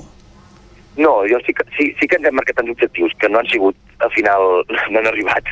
Que és com, bueno, ens marquem un objectiu més a llarg plaç, més, més, més coherent, perquè al final estem sentint, bueno, és el que ens està dient, no?, però ficat, que de cara al setembre el nivell de vacunació està evolucionant bastant ràpid, molt més ràpid del que ells mateixos pensaven, i per tant, la, vull dir, l'optimisme està clar que si podem obrir l'agost, obriríem l'agost, però evidentment ens marquem al setembre, que és el punt de partida de totes les temporades de sales, i, i a partir de llavors intentar, intentar programar tot l'estiu, intentar tancar tots els concerts que puguem ara a l'estiu, treballar ja des de zero, i, i aviam si al setembre podem començar amb una bona, amb una bona programació. Per tant, continuar doncs, programant activitats musicals a, en aquesta sala, que és una de les seves senyes d'identitat. Oh, i tant, oh, i tant, no, no, aviam, evidentment, a més a més, després de, de passar el que hem passat, el que més ganes tenim tots, productors, eh, directors de sales, eh, al final el que volem és, i músics, al final és el que volem és això, no? que hi ha gent, que torni a haver-hi música en directe, que la gent no es pugui treure la mascareta, que pugui ballar, i que pugui estar allà en un concert en directe, vull dir, al final és una cosa tan simple i fàcil com aquesta, però que fins ara l'hem tingut hem tingut totalment limitada. Xevi, ja per acabar el Cabró Rock eh, s'enceta aquest cap de setmana, però la voluntat és d'impulsar-s'ho cada any, és a dir, que sigui ja una cita per posar en el calendari i que cada any hi hagi Cabró Rock, sí? Sí, i tant. No, és que la idea, la, la idea principal és que el, el Festival Cabró Rock sigui un dels festivals referents a Catalunya. És, ha nascut amb aquesta proposició i, i, i així serà. Vull dir, no, la, és el que dèiem, al final la limitació de grups no, no, no treu la grandesa que del, del que volem fer, vull dir, grandesa. Al final és com Osona, en general, vull dir, estem al centre de l'epicentre, no quasi bé de, del Principat, i necessitem tenir un festival referent aquí. I que hi ha molts a Catalunya, però és que eh, no, som, som molt, és molt, molt, molt motivacional, no? perquè aquí a Osona, evidentment, a nivell de músics, jo penso que és una terra doncs, que creixen músics de tot arreu, Se'ns acaba el temps, Xavi, hem de deixar-ho aquí, arribar a la pausa de publicitat. Moltes gràcies per acompanyar-nos. Perfecte, moltes gràcies a vosaltres. I molta sort. El nou FM, la ràdio de casa, al 92.8. Nou Baviera. La nostra proposta és senzilla, plena de sabors i valors. El nostre èxit és la senzillesa de la nostra carta amb productes frescos, de primera qualitat i de quilòmetre zero. Som especialistes en frankfurts, hamburgueses 100% de carn de vedella, entrepans i una de les millors patates braves de tot Vic. Amanides, plats combinats, tot al teu gust. Nou Baviera. Ho fem per tu, com si fos per nosaltres. Som al carrer Verdaguer número 36 de Vic. Impremta Mater, el servei de particulars i empreses. Fem catàlegs, llibres, papereria corporativa, targetes, fulletons i també venem material d'oficina i escriptori, bolígrafs, arxivadors, grapadores, llibretes i molt més. Mater Impressors des de 1957. Impremta Mater. Ens trobaràs a la carretera de Sant Hipòlit, número 23 de Vic i a la impremtamater.com. Cocodril Club. Si t'agrada la bona música dels anys 60, 70 i 80, escolta el 9 FM als matins de dissabtes i diumenges d'11 a 1. És el temps del Cocodril Club, tot un clàssic de la ràdio, amb les bases del pop-rock, les llegendes, les cançons que s'han convertit en autèntics himnes. Recorda, dissabtes i diumenges al matí, d'11 a 1, al 9 FM 92.8. Cocodril Club, el programa revival de l'Albert Malla. Hasta luego, cocodrilo. Hi ha sensacions que són úniques. Aquell bany relaxant, mirar per la finestra quan plou i com les calderes Bailand, que li ofereixen fins a 15 anys de cobertura total amb el servei tècnic oficial Bailand. Informis a Oficiat Nord trucant al 93 886 0040. Amb el servei tècnic oficial de Bailand, la seva caldera estarà en les millors mans. El Roures Parc de Ceba. Obrim a partir del 26 de juny. Pista de vòlei, pista 3x3, bar, zona pícnic i una gran caseta de boles. Dues piscines amb grans espais verds per adults i una piscina dedicada a infants amb màxima garantia d'higiene i seguretat. El Roures Parc de Ceba. Obrim cada dia, matí i tarda, amb reducció de preu per l'accés matinal. T'esperem al Roures Parc de Ceba. A Corretja tenim tot el que necessites per la teva llar. Tot tipus de paviments i revestiments, sistemes d'aïllament, cobertes, parquets, aixetes, ferreteria, pintures, fixació i cargoleria, vestuari i material de seguretat. Disposem de més de 3.500 metres quadrats d'exposició amb una nova zona exterior d'aïllaments. A Corretja som especialistes en cuines i banys. Us assessorem, dissenyem i realitzem el projecte des de l'inici fins a la fi del muntatge. 100% cuines, 100% banys. Al carrer Mas Vigues 8 de Vic, a corretja-sl.com o a Instagram. 100% materials per la construcció i la decoració. 100% corretja. El 9 FM. El 9 FM. El 9 FM.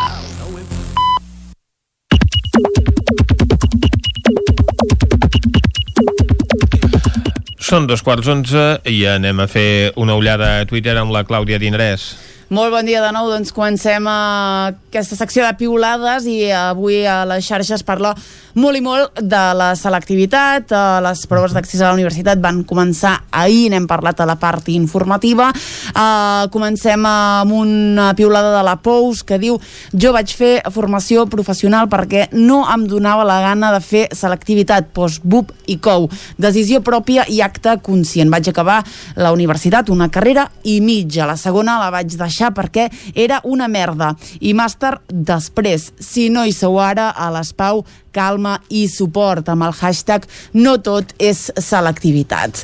Qui també ha parlat de la selectivitat és la Bea Ballestín. Concretament, ella ha recollit doncs, un tall eh, que hi va sortir eh, el reportatge doncs, que TV3 va fer no?, de l'inici de les proves i eh, ella ha subratllat això. No? Alguns alumnes han demanat fer els exàmens en una llengua diferent del català, principalment el castellà. I ella diu com si el castellà estigués al mateix nivell que el swahili a Catalunya.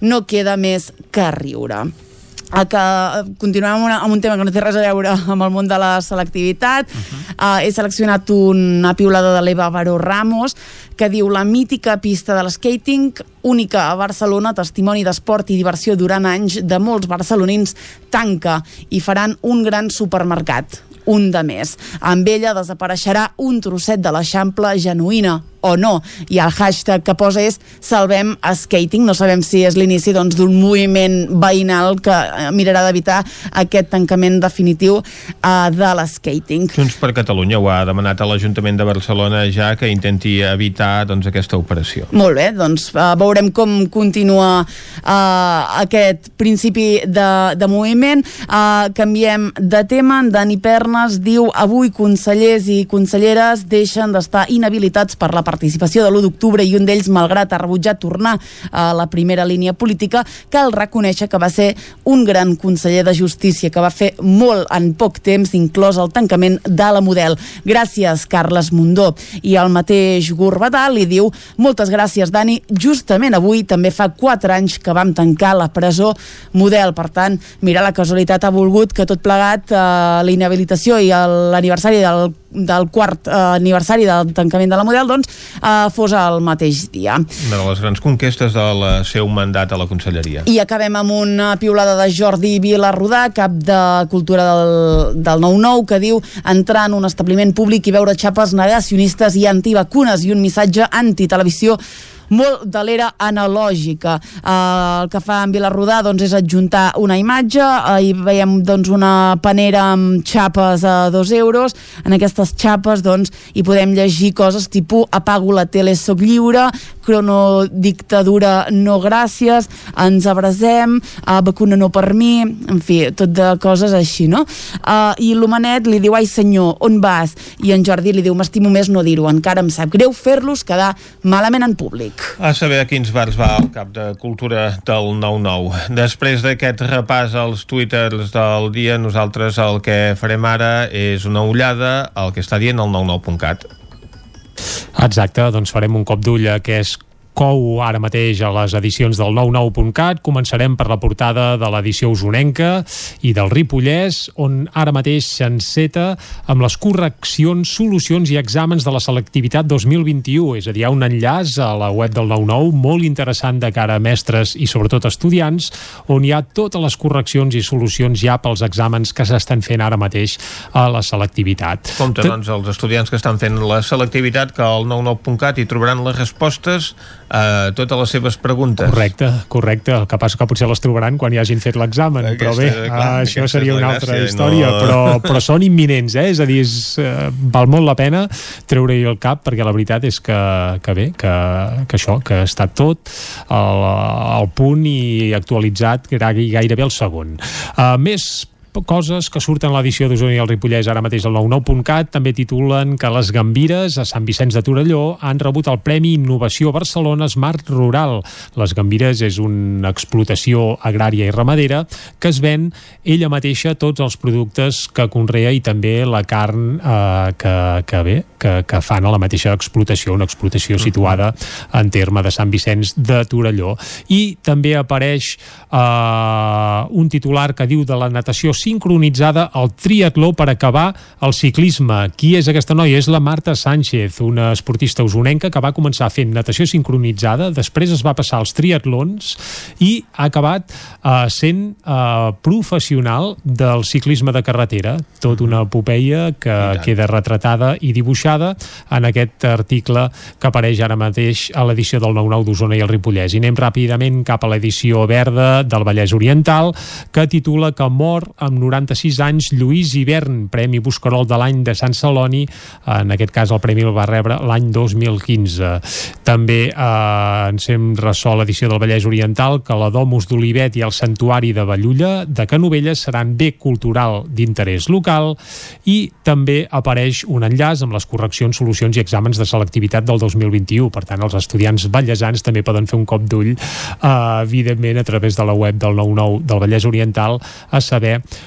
com està anant eh, tot el tema dels exàmens de selectivitat. Per acabar, també eh, l'edició del Vallès Oriental eh, explica que Meritxell Budó, exalcaldessa de la Garriga, doncs deixa el Parlament per anar al, Depar al Departament de Salut. Per tant, Meritxell Budó, que ara passarà al Departament de Salut de la Generalitat. Recordem que és farmacèutica, per tant ja té formació per formar part d'aquest Departament de la Generalitat. Un departament on pràcticament tothom eh, és del gremi, començant pel mateix conseller.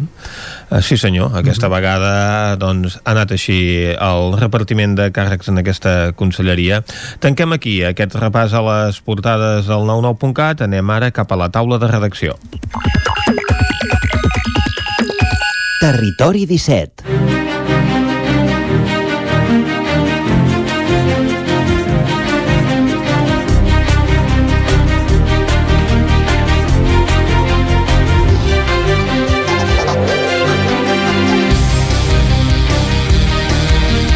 I encetem la taula de redacció d'avui parlant amb en Guillem Freixa. Bon dia, Guillem. Molt bon dia.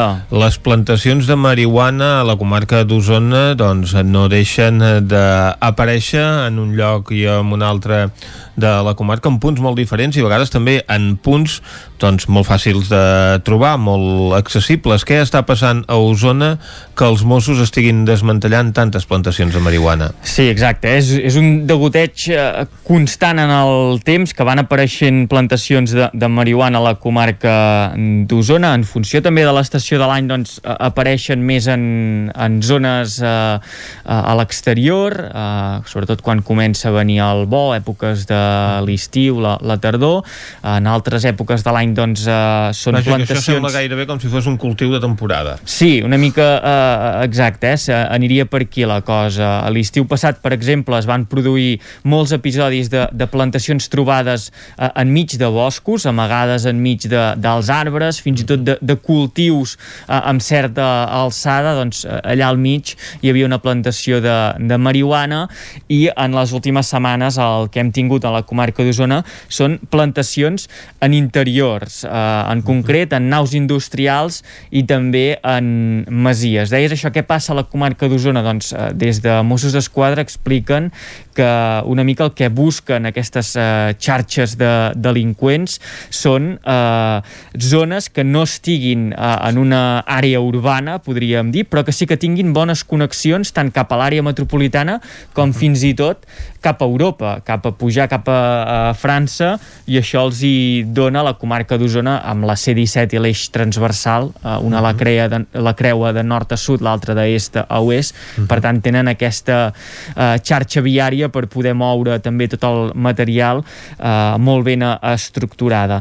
La setmana passada, com dèiem, hi va haver un operatiu contra aquestes eh, plantacions de marihuana a la comarca d'Osona i en concret se'n van trobar a Malla i Espinelves uh -huh. a l'interior de dues masies, de dues cases de, de pagès, eh, en, en una casa de pagès i en un local mig abandonat. Eh, disculpa, a Malla sí que era una casa de pagès, a Espinelves era un local eh, en, en desús, en concret el complex del restaurant Can Vallès, situat a les afores del municipi, a prop de la, a tocar de la carretera d'Arbúcies. O sigui, en un restaurant que estava tancat Exacte. i han muntat una plantació de marihuana. Sí, és un complex amb diverses plantes. Uh -huh. eh, a la segona planta és on hi havia el restaurant Can Vallès, com dèiem, en desús, eh, abandonat, no hi ha activitat, i en aquest edifici eh, sí que hi havia eh, habitants en el primer pis i també en la part superior que era com una, una vivenda. Des de fa un temps els Mossos d'Esquadra que tenien la sospita que en el seu interior s'hi produïa alguna activitat il·lícita, per -huh. aquest motiu van eh, muntar tot un dispositiu de paisà, d'incògnit, per vigilar aviam què passava eh, en aquest edifici, anar eh, estant atents a les entrades, a les sortides, a moviments, eh, fins i tot eh, a, a la xarxa elèctrica, aviam com es, es estava col·locada en l'edifici, i dimecres passat, eh, i ja amb la certesa que en aquest habitatge s'hi cultivava eh, marihuana, uh -huh. els Mossos van prendre la decisió d'entrar a l'edifici, ho van fer minuts després que hi arribés una furgoneta amb dos ocupants que serien les persones encarregades de vigilar aquesta eh, plantació, i un cop a dins, el que es van trobar en aquesta primera planta de Can Vallès d'Espineles van ser exactament 2.653 plantes de marihuana i tota una infraestructura realment espectacular. Eh, en el diari d'aquest dilluns del 9-9 eh, publicàvem alguna fotografia i és bastant bèstia com, uh -huh. com es reacondiciona tot aquest espai per poder-hi posar les plantes de marihuana i tot això permetia aquest cultiu a l'engròs, ventiladors, calefactors i l'electricitat punxada de, de la xarxa elèctrica davant aquestes evidències de, de la plantació de marihuana i que les dues persones hi tenien alguna cosa a veure van quedar detingudes, es tracta de dos homes de 31 i de 58 anys i veïns de la població del Gironès de, de Sal. Uh -huh. Fent les uh, investigacions, estirant del fil, van veure que aquest, uh, aquesta primera planta, aquest, uh, aquest complex de Can Vallès estava llogat a nom d'una persona -huh. van eh, anar a veure amb qui era aquesta persona i van detectar que tenia un altre habitatge llogat, en aquest cas a Malla, uh -huh. en una masia eh, molt a prop del lateral de la C-17, també de la caseta de la Creu Roja que hi ha en aquest municipi de la comarca d'Osona, i davant de les eh, sospites que també podia passar alguna cosa van demanar un ordre d'entrada en aquesta segona masia que mm -hmm. aquesta persona tenia llogada i a l'interior o sorpresa, s'hi van trobar, eh, en aquest cas, 2.800 plantes de marihuana. Per tant, també una altra eh, plantació a l'engròs i, de nou, una estructura eh, espectacular. Aquest home, un veí de Manlleu de 44 anys, també va quedar detingut. Per tant, l'operació que va finalitzar amb tres detinguts, a tots ells se'ls imputa un delicte contra la salut pública i un altre per frau en el fluid eh, elèctric, com dèiem al final eh, pràcticament eh, 6.000 plantes de marihuana entre les dues eh, entre els dos habitatges, entre aquesta masia i entre uh -huh. el complex de Can Vallès i els tres detinguts van passar a disposició judicial del jutjat de Santa Coloma de Farners divendres passat i la investigació haurà de continuar amb aquests delictes que se'ls imputen. Mm, recordem que fa unes setmanes doncs, també se'n van trobar a Centelles uh -huh. de plantes de marihuana, per tant eh, és probable que en el futur apareguin més plantacions d'aquest tipus a, a la comarca que sembla que estan ja molt exceses. Doncs moltes gràcies, eh, Guillem. Ara nosaltres anem a parlar amb la Dolors Altarriba, la Dolors que ens parlarà de la situació de crisi que ara mateix pateix el sector lleter. Bon dia, Dolors. Hola, bon dia. Sí, ara anava escoltant això que explicava en Guillem de, Passem de l'agricultura a la ramaderia, pràcticament, no? Aquest tipus de producció, eh, que, en fi, eh, sí, sí. hi ha mo moltes diferències entre un i l'altre, entre altres coses, una és absolutament il·legal, no? Però, eh, en fi, sí, el sector de la llet, eh, a veure, el sector de la llet es, està sempre com amb sumort, eh, eh perquè el, el tema del, del, dels preus eh, eh, s'arrossega des de fa, ja no sé si 10 o 15 anys, eh, en fi, uh -huh. eh, es, es va arrossegant perquè doncs aquí, mentre no es pugui pagar un preu al productor que li permeti guanyar-se la vida, doncs costa, costa, costa tirar endavant. Clar. I el, el gran problema de la llet és que, ha de ser un producte que, que està malbé de seguida, vull dir que és un uh mhm. -huh. producte que s'ha de recollir al moment i, i després també és un producte que les, les, les grans distribuïdores o eh, doncs, les, els, els grans supermercats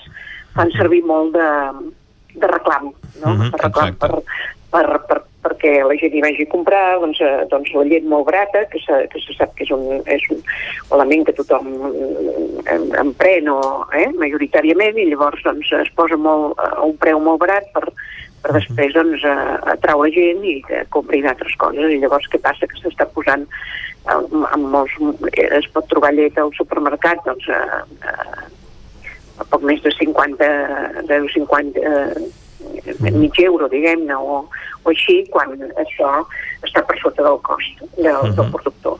Uh -huh. Llavors, tot això s'ha greujat ara amb, amb l'augment de les, de les matèries primeres, eh? Arran uh -huh. de, la, de la pandèmia l'any passat, i ja portem uns quants mesos que les matèries primeres s'han pujat moltíssim, uh -huh Uh, I, per tant, aquí, que ja hi havia aquest diferencial, ja hi havia aquest, aquest punt de pèrdua uh, no? en, el, en el ramader, doncs ara això se li ha afegit uh, entre 3 i 5 cèntims més uh -huh. per litre de llet, que això, quan ho comptes, doncs, uh, són molts diners, no? Vull dir que en algun moment uh, algun tipus de, d'explotació, de, per exemple, del voltant de, de no sé, de 200, 180 o 200 vaques, doncs pot estar perdent de 600.000 euros uh, al mes, no? Per, uh -huh. per, per aquest tema únicament del preu, no? Llavors, eh, bé, està, està la cosa molt complicada i una mica pendents de la nova llei de no, la nova llei que s'ha d'aprovar de, de la cadena alimentària, no? Uh -huh. O sigui, eh, de la cadena de valors, s'està debatent això ara al Congrés, i per veure, per decidir quina és la, la part de, de valor que té cada, cada, cada procés de, dels aliments, no?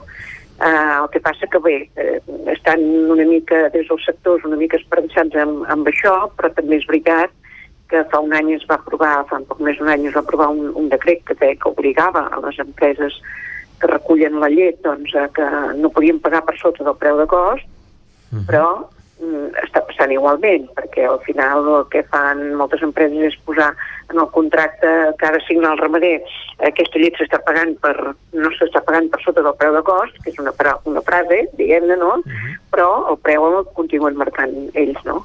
Llavors eh, es fa molt difícil, eh, sobretot per, per als petits ramaders, eh, o si no estan agrupats, doncs eh, poder negociar. I tot i així, tot i estar agrupats, perquè en el cas d'Osona, per exemple, doncs Bequers d'Osona i la cooperativa Plana de Vic, que ja representen pràcticament el 50% del sector, doncs s'han agrupat per fer-ho, tot i així, -huh. doncs, mm, els costa, no? perquè ells van estar un temps sense signar contracte, a l'espera uh -huh. de veure com, com anaven, i, i al final, doncs, doncs costa arribar a un acord eh, per, bueno, per, eh, llavors ells l'únic que, que els sembla en molts casos és dir eh, que hi hauria d'haver un, un, eh, bé, una, que fos el mateix govern, no? El govern el que decidís, no, no, aquesta llet, no, la llet no pot estar per sota d'aquest preu, una mica com fan a mm. França. A França uh -huh. fan, uh -huh. i per tant no, poden, no pot anar per sota d'un preu al supermercat. I llavors aquí, llavors tothom es guanya una mica la vida, que és Clar. el que demanen. S'evita així que el que és un reclam pels supermercats per guanyar clients ho acabin pagant els ramaders. Dolors... Exacte, sí, s'ha anat, fent, anat fent aquesta roda eh, uh -huh. d'aquest tipus. Uh -huh. Mm. Doncs moltes gràcies, Dolors. Doncs vinga, a vosaltres. Nosaltres tanquem aquí la taula de redacció. Territori 17 Doncs tanquem la taula de redacció i quan passen gairebé 4 minuts de 3 quarts d'11 del matí, Vicenç, és hora de parlar de literatura, és l'hora del Lletra Ferits. És l'hora del Lletra Ferits i avui el que farem és eh, visitar Sant Joan de les Abadeses, on ens espera eh, l'Isaac Muntades ens espera des de la veu de Sant Joan avui per parlar um, del llibre d'un convidat. Bon dia, Isaac. Bon dia, Vicenç. Bon dia, Jordi. Qui és el nostre convidat d'avui? Doncs mireu, és en Lluís García Rifà i de fet eh, és usonenc perquè ell va néixer uh -huh. a Ceba l'any 1944 i actualment doncs viu a Manlleu. Ell pertany a una família de tres generacions, les quals van treballar a la línia de tren Barcelona-Sant Joan de les Abadeses i el seu besavi, per exemple, treballava a la línia des de la seva inauguració l'any 1880 i el seu avi i pare van ser caps d'estació. Avui parlarem del llibre Les comunicacions a través del Pirineu, el ferrocarril transpirinenc, el pas per la Collada de Toses, que es tracta d'una publicació que recorda la història de la línia del ferrocarril de Ripoll a Puigcerdà o Transpirinenca, que comença a l'antiga bifurcació de la línia de Sant Joan i acaba a la Tour de Carol després de travessar la frontera francesa. Uh, L'any 2015 també hem de dir que li van atorgar un premi especial Bona Plata per l'Associació del Museu de la Ciència i de la Tècnica i d'Arqueologia Industrial de Catalunya per la seva tasca difonent el patrimoni industrial i avui doncs parlarem amb, amb ell, com us comentàvem, en Lluís García Rifà. Bon dia, Lluís, i moltes gràcies per atendre'ns. Hola, bon dia. M'agradaria començar parlant, destacant la importància d'aquesta línia, perquè fins i tot es va plantejar la possibilitat de convertir-la a la línia ampla internacional per connectar-la a la xarxa francesa. Què va passar llavors? Per què és tan important la línia, Lluís?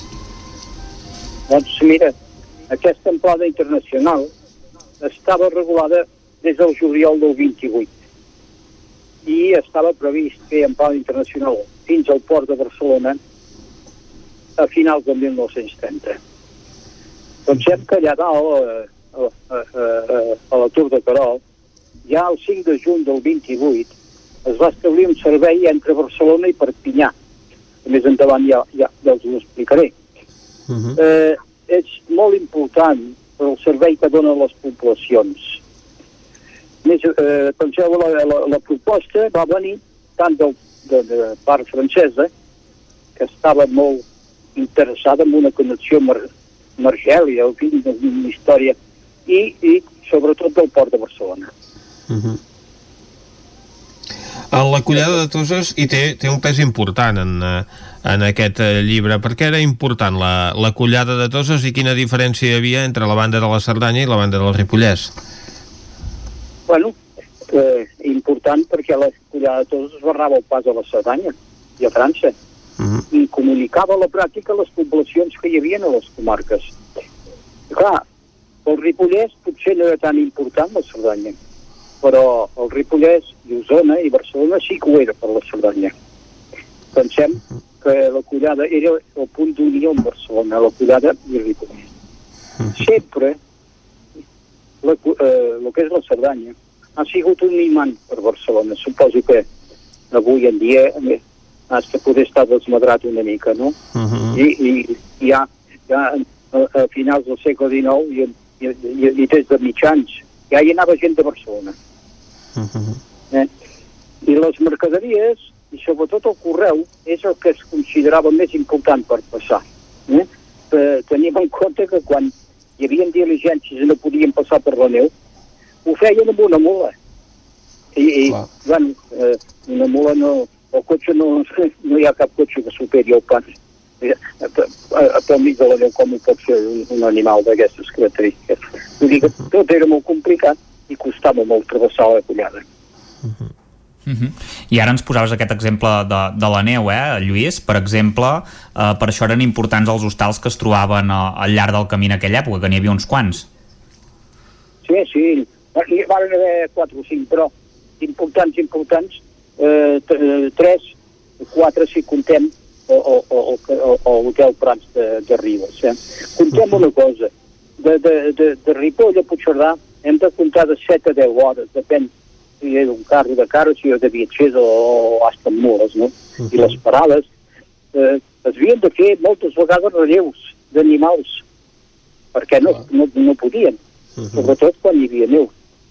I eren molt importants també, bueno, importants, tenien un, efecte col·lateral, perquè a vegades quedaven incomunicats amb alguna aquests hostals, fins dies, eh, 3-4 dies, i allà s'intercanviaven mm, opinions i, i, i, i s'establia una relació entre persones de diferents estatus socials, cosa que no passaven lloc més, sinó en aquests hostals.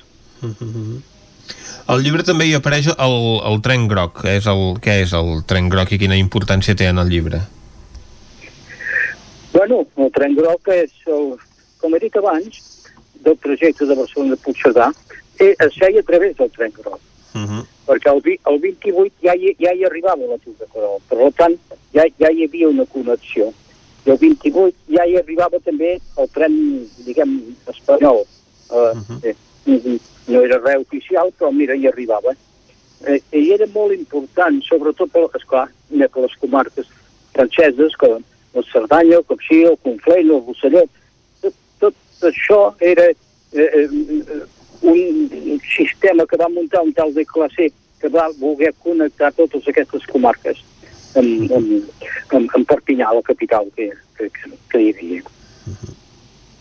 També parles de les locomotores que van passar per aquesta línia i n'anomenes dues concretament. Uh, què en destacaries? Doncs mira, eh, en aquesta línia hi han dos inconvenients molt, molt grossos, que és les pendents i necessitaven una gran potència per pujar i una gran potència de frenada per baixar. Eh? I es havien de fer expressament quan es tractava de locomotores, inclús els trens ara tenen, tenen coses que no tenen a tot arreu, eh? I, i tenen unes condicions excepcionals els vehicles que hi han de passar-hi. Penseu, la, la de vapor, la primera que hi va haver-hi, propietat de la línia, que era de l'Estat, estaven fabricades el 24 i van arribar fins al 29 es traslladen de altres places perquè llavors varen venir les elèctriques quan es va inaugurar la línia el 29 i les elèctriques també fetes expressament perquè es havien, més que res el tema de, de les curves havien de ser amb unes rodes especials. No, no gaire tren de rodes perquè si no no podien girar eh? i bueno, en queden unes quantes a eh, Ripoll, a Sant Joan ara en tindran una, l'estan arreglant, eh, estan rentant la cara, hi ha un altre museu del ferrocarril a Vilanova i un altre a Saragossa que està en ple funcionament. Allà la tenen molt ben preservada. Uh -huh. En la construcció d'aquesta línia hi va haver doncs, eh, diferents eh, subhastes. M'imagino que molta gent estava interessada doncs, més amb el que ens comentaves, amb el transport de mercaderies, que amb el de passatgers, que és el que avui es dedica eh, fonamentalment a, a aquesta línia. Com, com va anar totes aquestes subhastes i la construcció de la línia amb tanta complexitat com és aquesta orografia pirenaica? Sí, sí, això, si bé eh, és, és una cosa de, que, que diguem, es va fer el, l'any 22, però ja a l'any 80, com és quan es va fer Sant Joan, la línia de Sant Joan, ja hi, ja hi va haver qui va fer uns estudis, no? Eh, bé, eh, eh, només com a curiositat dir que l'any 1880 arriba el primer carro a Puigcerdà i el primer tren de Sant Joan. Mm -hmm. És curiós aquesta... Aquesta coincidència. Eh? Sí, sí. Eh, bé, eh, això es fa el 1904, es fa un conveni entre Espanya i França per fer eh, aquesta línia i, i, i, i dues o tres més. Vull dir, no, no, no era pas aquesta sola. Uh -huh. Entre ells el Campfranc i el, i el, i el Carrió de Sant Girons partint de Lleida, de la Pobla Segur que ha quedat a mig fer. Uh -huh. Bé, la primera subhasta per fer tot aquest tram és el 1909, era deserta, la segona es fa eh, bueno, la primera era l'abril, la segona es fa pel juny, també queda deserta, i llavors em fan una altra que semblant, que, que sembla que, cony, que això era, van donar, bueno, per fet que es faria el 1910, que tampoc... Eh, eh, bé, el problema quin era? El problema era que comptaven a tant per quilòmetre. Uh -huh. És a dir, tant valia un quilòmetre d'un puesto normal com, com un quilòmetre de dins del túnel de Toses. I és evident que no val el mateix. Eh? Uh -huh. Aquest és eh, el, que va, el que va passar. Uh -huh. Al final, què va fer l'Estat? Pues va fer, va dividir la línia en 11 sectors, 11 subhastes, i aquí s'hi presentaven bastanta gent. Eh, aquí ja, ja va anar tot bé això. Uh -huh. eh, eh, el, el, el primer que es va fer va ser el túnel de Toses, que es va començar pel setembre de, de 1911, i al final del 22 que s'acaba ja arribant a, a, a Puigcerdà. Eh? Uh -huh. Eh, això és el que, el que hi ha de, el que es pot dir resumint de com va anar tot aquest tema de les subhastes. Uh -huh. El llibre, Lluís, és molt curt. Uh, no sé si és fàcil de trobar i, i si ha comptat amb la col·laboració de ferrocarrils. Bueno, ells són els que l'han fet. Bueno, l'escrit jo, però ells l'han editat. I si, si, si, si algú vol, pot demanar-ho a, la, a, a, a Ferrocarrils, que ells normalment l'envien, i si no, que m'ho tinguin a mi, en tinc uns quants i també els puc, eh, els puc entregar. Eh? Mm. Això. També, en fi, ja per, per, per acabar el tema, t'haig de dir que, exemple, el dia 14 faig una conferència a Sant Joan en una escola, ja n'he fet algunes, si algú està interessat en que els nanos sàpiguen el que és córrer per una mula, enmig de la neu a la collada de Toses, doncs, bueno, eh, a vegades jo el que he vist que queden molt parats, com, com no, no tots són jocs d'ordinador, quan, quan veuen això no és que no s'ho creuen. I això és el que ens sap greu que es perdi, perquè, en fi, el meu interès principal de fer tanta història de la línia és que, aviam, si algú algun dia recorda de, de el que hi havia per aquí. Uh -huh. Doncs eh, Lluís Garcia, moltes gràcies per acompanyar-nos avui. Endavant amb aquesta tasca de recuperació del patrimoni industrial d'aquesta línia de ferrocarril, que, de la qual doncs, ja n'has editat eh, diferents eh, llibres i diferents volums, i moltes gràcies per acompanyar-nos avui. Bueno, doncs gràcies a vosaltres per la difusió. Vinga. Molt bé, doncs moltes gràcies Lluís, moltes gràcies també Isaac Muntades des de la veu de Sant Joan. Ara nosaltres recuperem la informació general.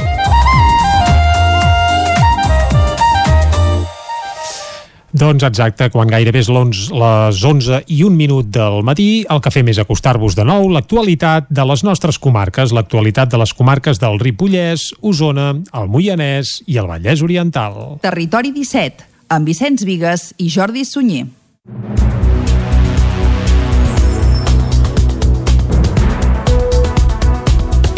La tensió entre govern i oposició a l'Ajuntament de Vic va protagonitzar part del ple d'aquest dilluns després del recurs que Esquerra, Capgirem i el PSC han presentat contra el projecte del pàrquing soterrat al Parc Maria Àngels Anglada. Els republicans i Capgirem Vic van demanar a la regidora d'Urbanisme que rectifiqués per unes declaracions fetes al 9-9 i al 9-TV en què els acusava de judicialitzar la política i els mateixos grups també van criticar la política comunicativa del consistori. Aquestes són les declaracions declaracions de Fabiana Palmero. Sembla que tot això que no podem acordar políticament que és el que hauríem de fer, o com a mínim respectar les decisions eh, preses per la majoria arriben als tribunals. Sembla això que no volem de l'estat espanyol que ens fa nosaltres i aquí ho tenim a petita escala. Aquestes declaracions de la regidora d'Urbanisme després del recurs que han presentat conjuntament a Esquerra, Capgirem i el PSC al Tribunal Català de Contractes contra l'aparcament al Parc Maria Àngels Anglada van tenir protagonisme al ple de l'Ajuntament Bigatà d'aquest dilluns. Esquerra i Capgirem van demanar a Palmero que rectifiqués les seves paraules. Ella assegurava que s'han tret de context. Sentim per aquest ordre a Carla Dinarès de Capgirem Vic i a Fabiana Palmero. No hi ha dret a banalitzar la repressió d'aquesta manera eh, no ens volem ni imaginar la vergonya aliena que la gent empresonada o exiliada del seu propi partit ha hagut de passar llegint les seves declaracions, però entenem, eh, i nosaltres som les primeres, que tothom es pot equivocar, faltaria més.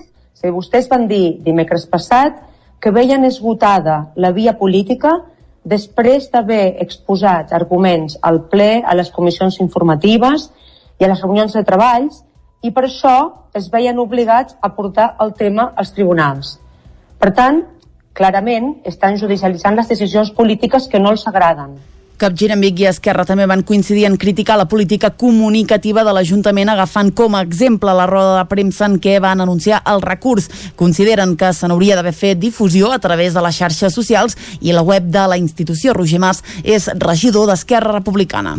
Ha de quedar clar, entenc, que l'Ajuntament som tots i que si s'anuncia un acte de l'equip de govern també s'hauria d'anunciar un acte com el que va fer l'oposició en bloc la setmana passada. L'alcaldessa de Vic, Anna Errat, matí al final de la sessió que la comunicació entre govern i oposició no és prou fluida. Em sembla que per les dues bandes i ens hi trobem sovint, eh, potser doncs, ens falta doncs, una escolta més activa. Vol dir que tots hem de fer aquest esforç, i ja m'hi compto jo mateixa, Govern i oposició van aprovar per unanimitat les expropiacions de la finca del Turó del Castell d'Emplanes i la de Casa Caritat. Tots els grups, excepte el PSC, van donar suport a la moció de l'AMI en suport de l'amnistia com a solució pel conflicte polític entre Catalunya i l'estat espanyol. El d'aquest dilluns també va ser l'últim ple de Vic per Pere Freixa, regidor de Capgirem des de l'any 2019. El seu adeu s'havia anunciat al costat dels de Sara Blázquez i Joan Com a principis de l'any 2020. En el seu discurs de comiat, el ja ex-regidor va agrair el tracte rebut i va ser crític amb les polítiques de Junts per Catalunya que governa a Vic amb majoria absoluta tot i el període complicat que m'ha tocat viure en aquest consistori degut a la pandèmia, o precisament per les reflexions que s'han derivat d'aquest episodi, ja hi ha el reconeixement pràcticament unànime de que calen serveis 100% públics i universals i que és necessari avançar cap a un millor repartiment i accessibilitat a tots els recursos, però aquí no hi ha cap canvi a la vista. No és la intenció de l'opció política que represento la de demorar més aquest canvi profund de sistema, tampoc la de mirar cap a una altra banda quan no estem d'acord a l'acció de govern, mentre això no s'afronta. A Pere Freixa el substituirà Marc Camacho.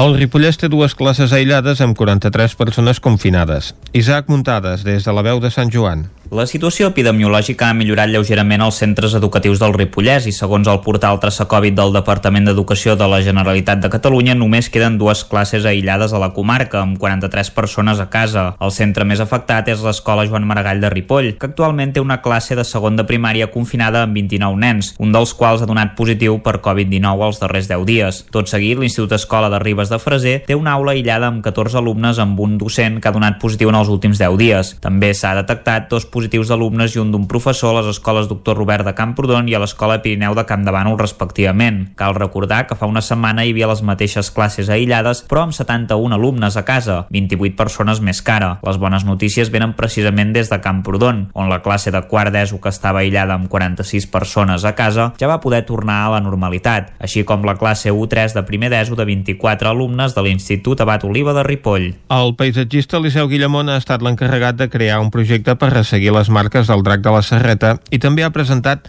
la segona part del llibre que parla del drac amb il·lustracions a l'artista Pilar Ors. David Oladell, de Ràdio Televisió, Cardedeu. Fa uns dies que s'han trobat unes marques estranyes al Parc de la Serreta. Es tracta de la silueta d'un drac. Ara feia uns anys que no se'l sentia ni veia per enlloc, però el confinament ha fet que la natura prengués les regnes i el drac ha tornat a sortir.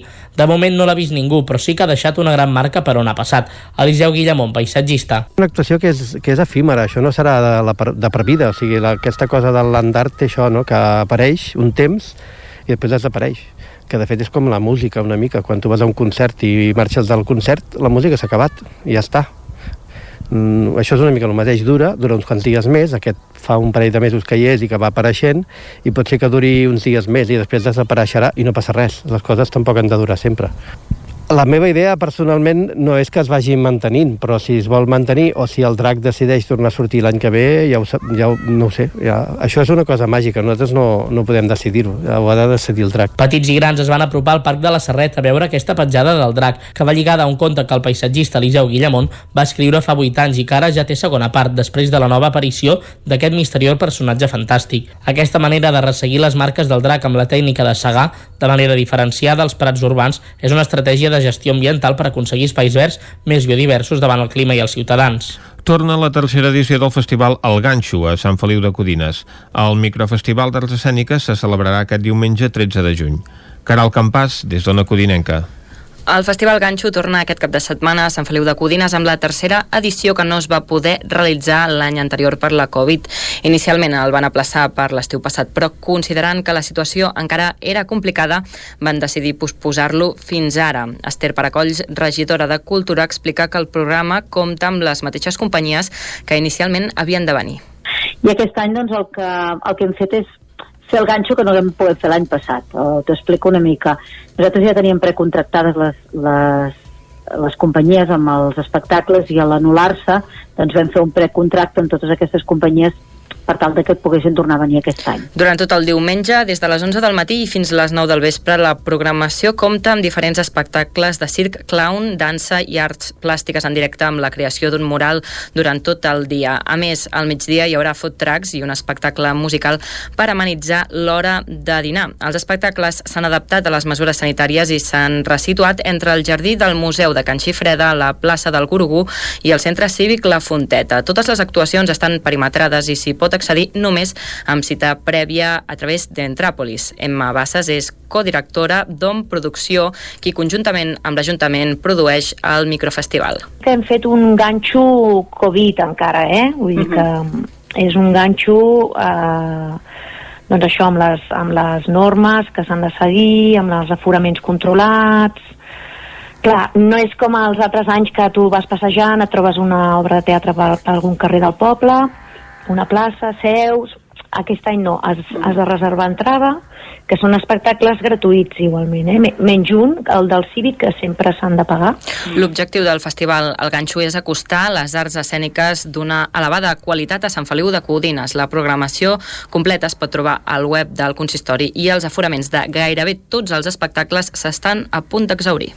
El Premi BBVA de Teatre 2021 l'ha guanyat Projecte Ingenu, amb l'obra Vaig ser pròsper.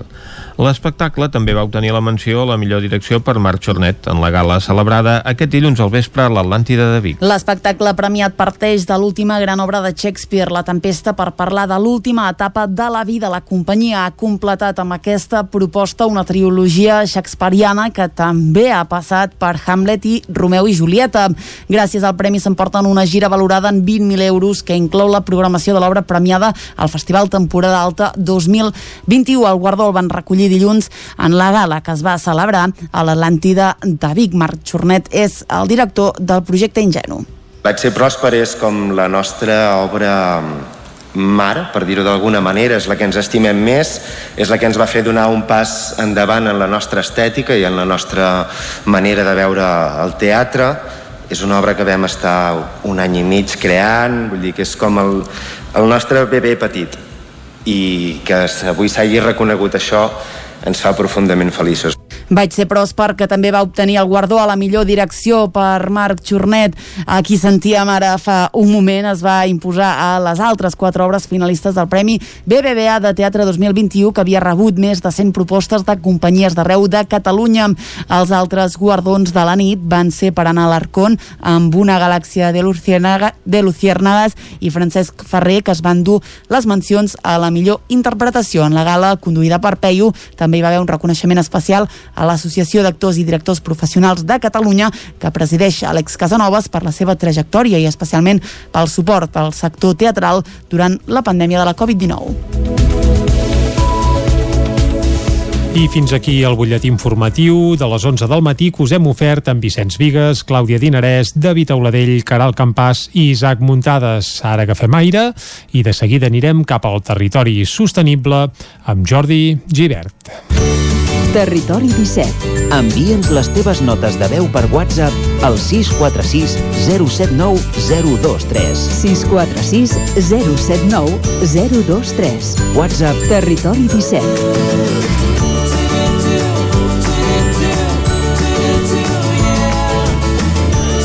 Territori 17. Som a Facebook, Twitter i Instagram amb l'usuari Territori 17.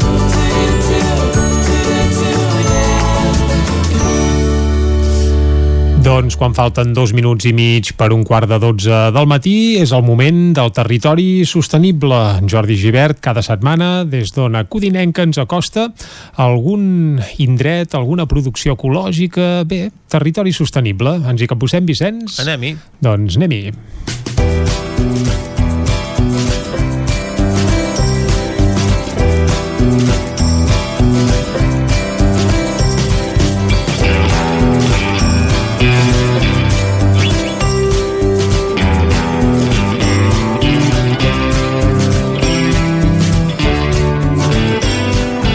Avui al territori sostenible ens acostem fins a Caldes de Montbui.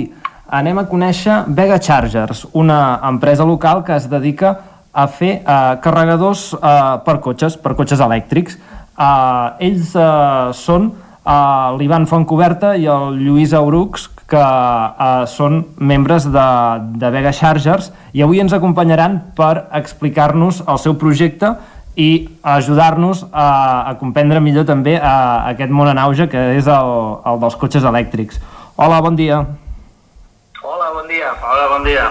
Uh, Lluís Ivan, uh, per començar, uh, ens podeu fer cinc cèntims de, de com comenceu aquest projecte i, i com acabeu fent una empresa dedicada exclusivament a, a carregadors elèctrics, de cotxe elèctric? Val, bueno, mira, eh, és mo- molt senzill. Eh, acumulant anys d'experiència amb el sector de l'electromobilitat, eh, jo més concretament amb el tema de motos elèctriques, l'Ivan més a lo que és en si carregadors, i juntament amb, el, amb els altres fundadors de l'empresa, bueno, doncs un bon dia vam decidir doncs, de, de juntar les nostres sinergies i, i coneixements i posar en marxa el nostre projecte personal. Parlaves d'electromobilitat. Uh, L'electromobilitat, per, per entendre'ns, és uh, tot el que seria mm, transport elèctric? Sí, sí, podríem dir que sí. Val. Sí, sí, sí, des d'un patinet fins a un autobús o un camió o un vaixell o un avió, el que vulguis. I, i de com, uh, quants anys fa que, que, que esteu treballant amb, uh, amb el projecte de, de Vega Chargers? Bueno, això vam començar així parlant-ho doncs farà un parell d'anys, però que ho vam posar en marxa Uh, deu fer... Bueno, ho vaig fundar... Inicialment ho vaig fundar jo, diguem, i això hauria ser cap al desembre, novembre del 2019, i llavors, eh, mica en mica es va anar incorporant a l'Ivan, a l'Israel i un altre company, el José, i bueno, eh, podríem dir que tot això més o menys va començar fa un any i ara ja som 9 o 10 persones internes i col·laboradors externs i això doncs en tenim 3 o 4 més. Heu aprofitat la pandèmia, veig, doncs. Bueno, ens va caure de ple, això no es tria, això ve com ve. Sí, sí, sí. Uh, um, per, uh, per entendre una mica el producte, vosaltres uh, oferiu un carregador ràpid, no? Sí, sí, sí, un carregador amb DC, que es Uh, diu. uh, ens pots explicar el, el seu funcionament? Uh, què entenem per ràpid? Quan tarda a carregar-se un, un cotxe Sí. elèctric? Bueno, normalment quan parlem de quan triga a carregar-se, clar, eh, al principi tenia sentit parlar de quan trigava a carregar-se un cotxe perquè les bateries eren molt estàndards, d'uns 24 kWh, però avui en dia les bateries cada, cada vegada són més grans, ja s'estan apropant moltes a- als 100 kWh. Llavors, normalment ja el que es parla és eh, l'autonomia que li dones al cotxe eh, per cada hora de recàrrega. Llavors, l'equip que estem dissenyant nosaltres ara, que seria un carregador semiràpid, més aviat, un carregador DC semiràpid, dona una autonomia d'uns 200 quilòmetres cada, per cada hora de recàrrega. Val, déu nhi Uh, llavors, uh, a qui va dirigit a, a aquest producte? Va di- dirigit a empreses? A, a una persona particular se'l pot posar a casa? O, o va dirigit a, a transport públic? O, a tothom en general? El, el producte aquest va dirigit sobretot a, a llocs on l'estacionament duri entre mitja hora i 3 hores. A casa no té sentit perquè tu tens tota la nit per carregar, llavors amb un carregador lent, que en, encara que necessitis 16 hores per carregar el cotxe, doncs, bueno, està tota la nit en allà connectat i no, i no passa res. A més, normalment a casa tothom el que té és monofàsica i el carregador nostre és un carregador trifàsic de 30, de 30 quilowatts, amb la qual el domèstic no, en principi no pot- no s'hauria de poder posar, però sí que és un carregador dirigit cap a indústria, podria ser en cen- centres comercials, àrees de servei, qual- qualsevol lloc on, on algú pari entre mitja hora per fer la compra o el que sigui, per exemple, entre mitja hora i 3 hores. Clar, estem parlant això, no? De, des d'un supermercat fins a en una empresa de, que la gent deixa, deixa la flota de vehicles uh, Sí, una estona allà. Exacte, seria per flotes de vehicles, visites de la pròpia empresa o inclús eh, els propis treballadors però que, que puguin rotar durant el matí carreguen uns, uns cotxes, durant la tarda carreguen uns altres cotxes, però la idea és eh, substituir o també complementar la xarxa de carregadors lents que hi ha ara mateix instal·lats, que estan carregant la majoria a uns entre 20 i 40 quilòmetres d'autonomia per, cada, per cada hora de recàrrega, començar-los a substituir per aquest tipus de carregadors mode 4, que serien carregadors d'una tecnologia bastant més superior que el carregador lent, que et permet carregar molt més ràpid. Vale? El, el tema de que pugui carregar molt més ràpid simplement és perquè un carregador AC o un carregador lent, que, és, que és, normalment es diu, al final és una espècie d'endoll un endoll amb proteccions on el, realment el carregador està dintre del cotxe. Vale? Llavors, el que passa és que el cotxe tu el connectes amb aquest carregador eh, de, de paret, normalment, i és realment la part interna del cotxe la que carrega. Vale? Llavors, tu depens sempre de quin carregador intern o carregador on board eh, porta el teu vehicle. Vale? I contra, les marques estan intentant que aquests carregadors doncs, no siguin molt grans, vale? perquè al final és, és cost i és, és espai que ocupa dintre del vehicle, és pes i redueix l'autonomia. Llavors ells intenten que el carregador intern sigui el més petit possible, amb la qual cosa et trobes que carrega molt lent i en canvi tens aquests sistemes de càrrega ràpida o, o mode 4 que el que fan és que bypassen, o sigui, se salten el sistema de càrrega interna del vehicle i parlen directament amb el sistema que manega la bateria. Llavors estan carregant directament contra la bateria a plena potència. I per això pot carregar molt més ràpid.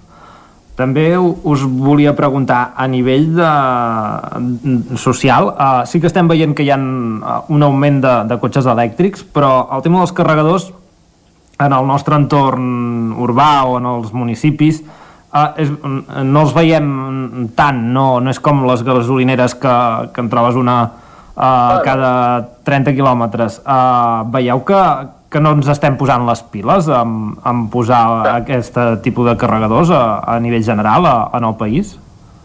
Sí, mira, no, nosaltres abans de fundar l'empresa treballàvem dissenyant carregadors ràpids també amb una empresa internacional a, a Holanda. Llavors vam estar vivint a, a Amsterdam abans de tornar aquí i muntar, i muntar l'empresa. I clar, allà eh, tot això, aquesta infraestructura, pues, està moltíssim més avançada que el que hi ha aquí. Sí que veiem que aquí, en general a tot Espanya, pues, eh, va molt de retras, però bueno, la sensació que hi ha, i per això vam decidir tornar, és que s'estan començant a posar les piles i es vol començar a muntar tota aquesta infraestructura.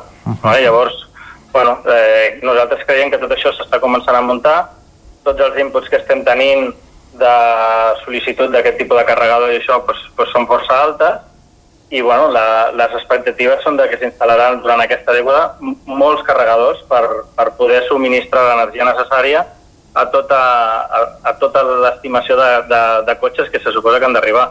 En principi, més o menys, la, la Unió Europea em sembla que estimava uns, que es tenien que instal·lar durant aquesta dècada uns 220.000 punts de recàrrega a Espanya, punts de recàrrega públics.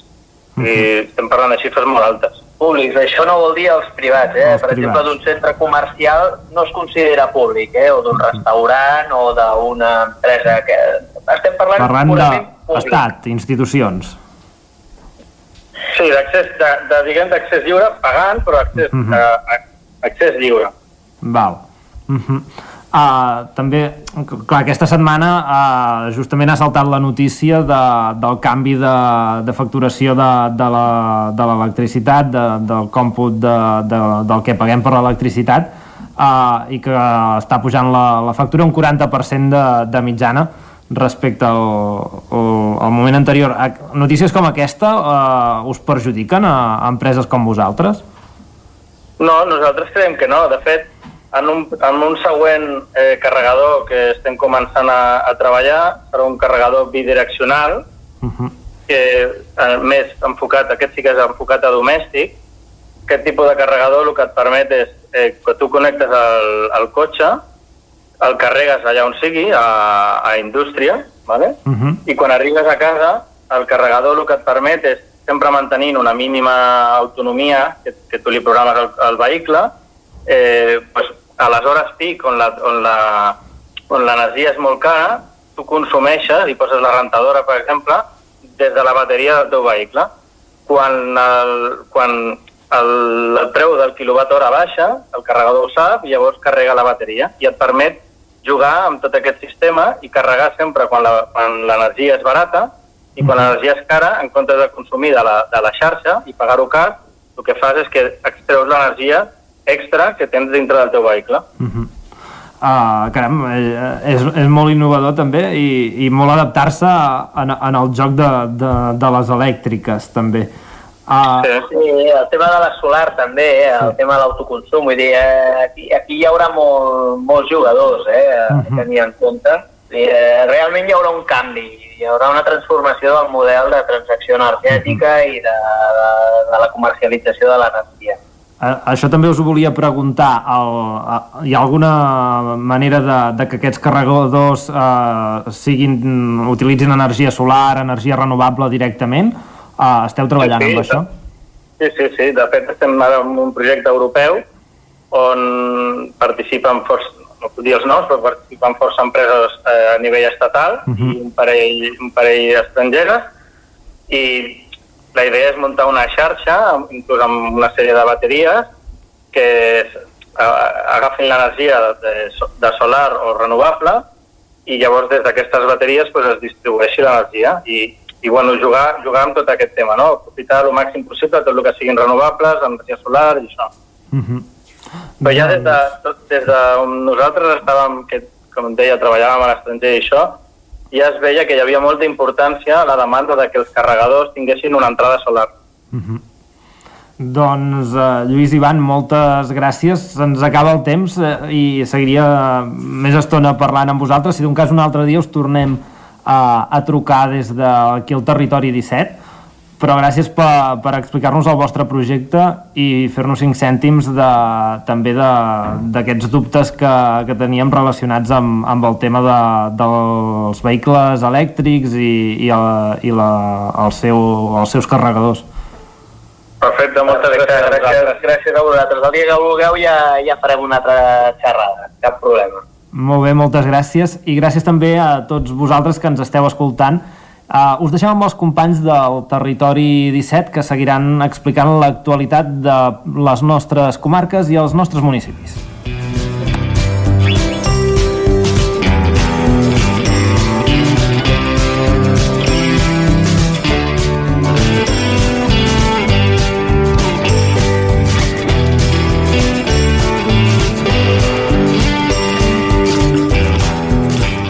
Territori 17. Doncs avui que al Territori Sostenible hem conegut la història d'aquesta empresa de Caldes de Montbui que es dedica a fer bateries per cotxes elèctrics. Uh, això és, evidentment, una aposta de sostenibilitat i de territori sostenible. no, i tant no que sí. territori sostenible.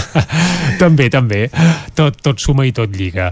Bé, Vicenç, el que ens toca és fer una pausa, però encara ens queda bastanta teca per aquesta darrera mitja hora de Territori 17, el Descobrint Catalunya. Avui anirem a Sant Vicenç de Torelló, a Malic de la Vall del Gès. També ens queda passar per la R3, a la Trenc d'Alba, i avui acabarem fent un repàs a les propostes culturals que ens depara aquest proper cap de setmana.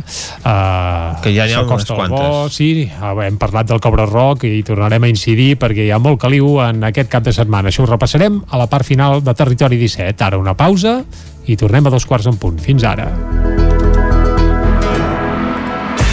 El nou FM, la ràdio de casa, al 92.8.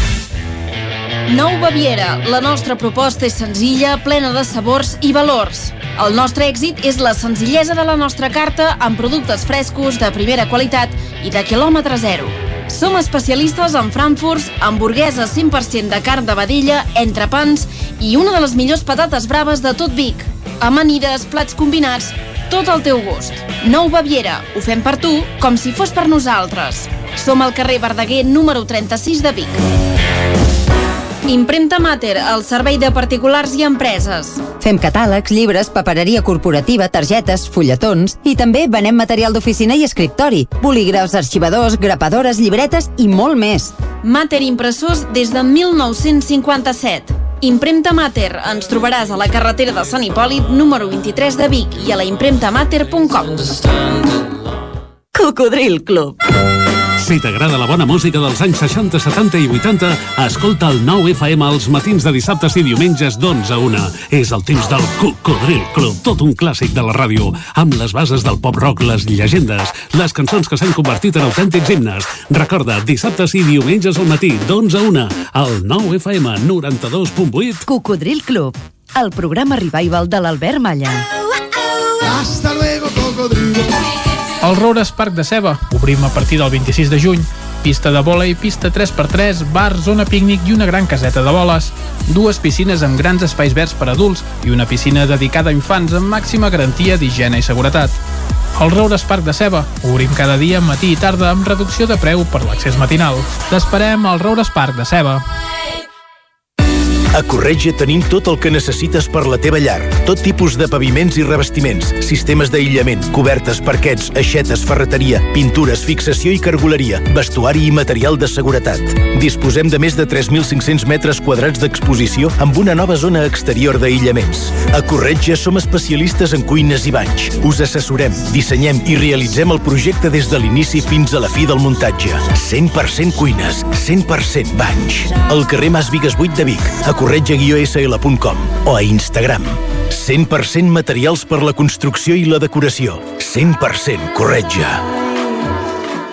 Hi ha sensacions que són úniques. Aquell bany relaxant, mirar per la finestra quan plou i com les calderes Bailand, que li ofereixen fins a 15 anys de cobertura total amb el servei tècnic oficial Bailand. Informis a Oficiat Nord trucant al 93 886 0040. Amb el servei tècnic oficial de Bailand, la seva caldera estarà en les millors mans.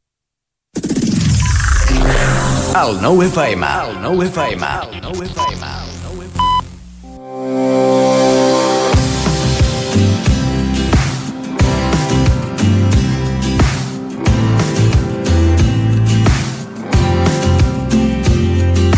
municipi de Sant Vicenç de Torelló és de forma triangular i que està format per tres nuclis, Sant Vicenç de Torelló, Borgunyà i Vilaseca. Aquest municipi, situat al nord de la vall del Gès, es fica com un tascó entre els municipis de Sant Pere de Torelló i Torelló. L'augment més important de la població va tenir lloc al segle XIX, com a causa principal dels dos nuclis que van crear-se dins el municipi de Sant Vicenç, Vilaseca i Borgunyà, fruit de la industrialització que es va produir a les zones en les quals concorria el riu Ter.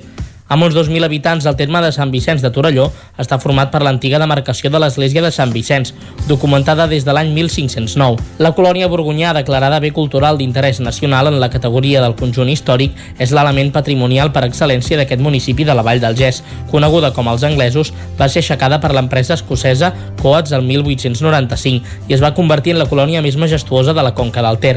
A Sant Vicenç també trobem la colònia de Vilaseca, construïda per industrials manlleuencs, la qual és un bon exemple dels paisatges associats a la industrialització del Ter. Al vell mig del poble de Sant Vicenç de Torelló es troba una magnífica església del romànic llombard, romànic de primera hora, filla de l'impuls que va donar l'abat Oliva a aquesta terra, documentada al 938 dins el terme del castell de Torelló. És un temple del segle XI amb un magnífic campanar del segle XII.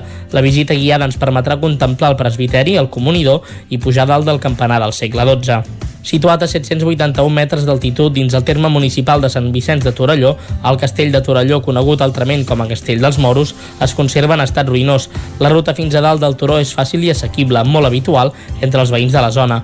Un cop a dalt, les vistes sobre el Pirineu i la plana de Vic són precioses. D'aquest castell només en resta actualment la base d'una torre rodona d'aproximadament 4 metres d'alçada, que ha estat consolidada en diverses ocasions. Segons l'Inventari de Patrimoni Arquitectònic de la Generalitat de Catalunya, l'accés a la torre s'hauria fet a través d'una porta elevada de la qual no es conserva cap resta dia d'avui. Pel que fa a les estructures internes del castell, es poden observar forats de pal i encaixos repartits pel turó i sobre la roca mare que haurien format part les bases de l'estructura interior de la fortalesa, que hauria estat molt probablement, i com habitualment es feia als segles 8 i 9, amb bases de fusta. De la muralla que envoltava i tancava el castell es conserven encara algunes restes, especialment al nord-est i la zona de llevant. També es troben a la part sud restes de teules fragmentades del castell.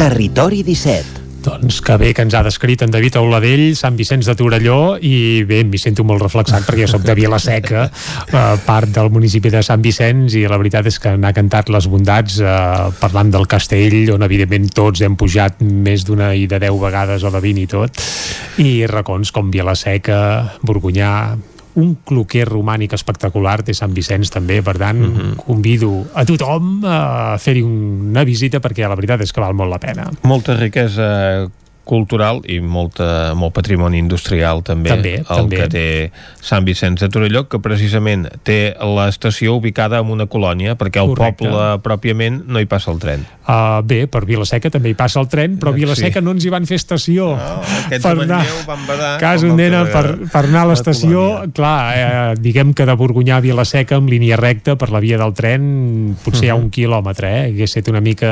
Això a Barcelona sí que ho fan, que, que pel, metre, que, pel metro cada quilòmetre fan una estació i menys i tot però a la R3 van dir que Vilaseca era massa prop de Borgunyà i va guanyar Borgunyà. Per tant, l'estació de Sant Vicenç de Torelló seria l'estació de Borgunyà. Vilaseca és massa prop i també massa petit perquè molts veïns, molt veïns no, no hi ha en aquella som colònia 120, ben bé, eh? Hi ha estacions de la R3, eh, nuclis de menys de 120 habitants, eh? T'ho ben asseguro. Per exemple, la Farga de Bebi, encara n'hi para algun. I una altra que colònia. visquin gaires més de, de, de, aquí visquin més de 20 persones ara mateix, eh? Mm, exacte. Però vaja, fet aquest apunt de- d'estacions i una mica de- d'autobombo de, de, de Vilaseca, anem a la R3, Anem Vicenç? Va, R3. anem a la Trenc d'Alba, vinga. A Trenc d'Alba, edició pandèmia. Ara sense els usuaris que ens explicaven les seves desgràcies a la R3, però amb els mateixos retards i problemes de sempre.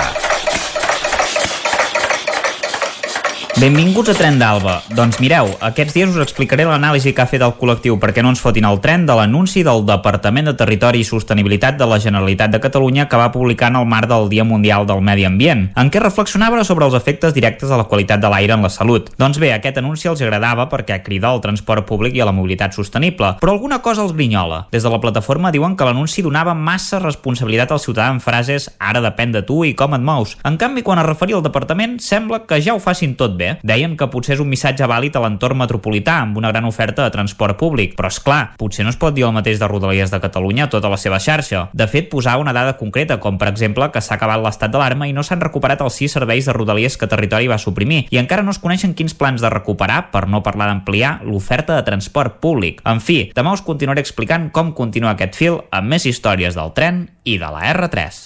Territori 17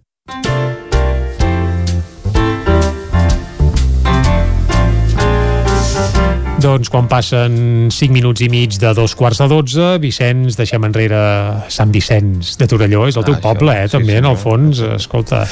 Ja, Sant Vicenç és, és patró de, de diferents poblacions del territori 17. Correcte. Doncs deixem Sant Vicenç, deixem la R3 i anem a conèixer activitats culturals per fer durant el cap de setmana.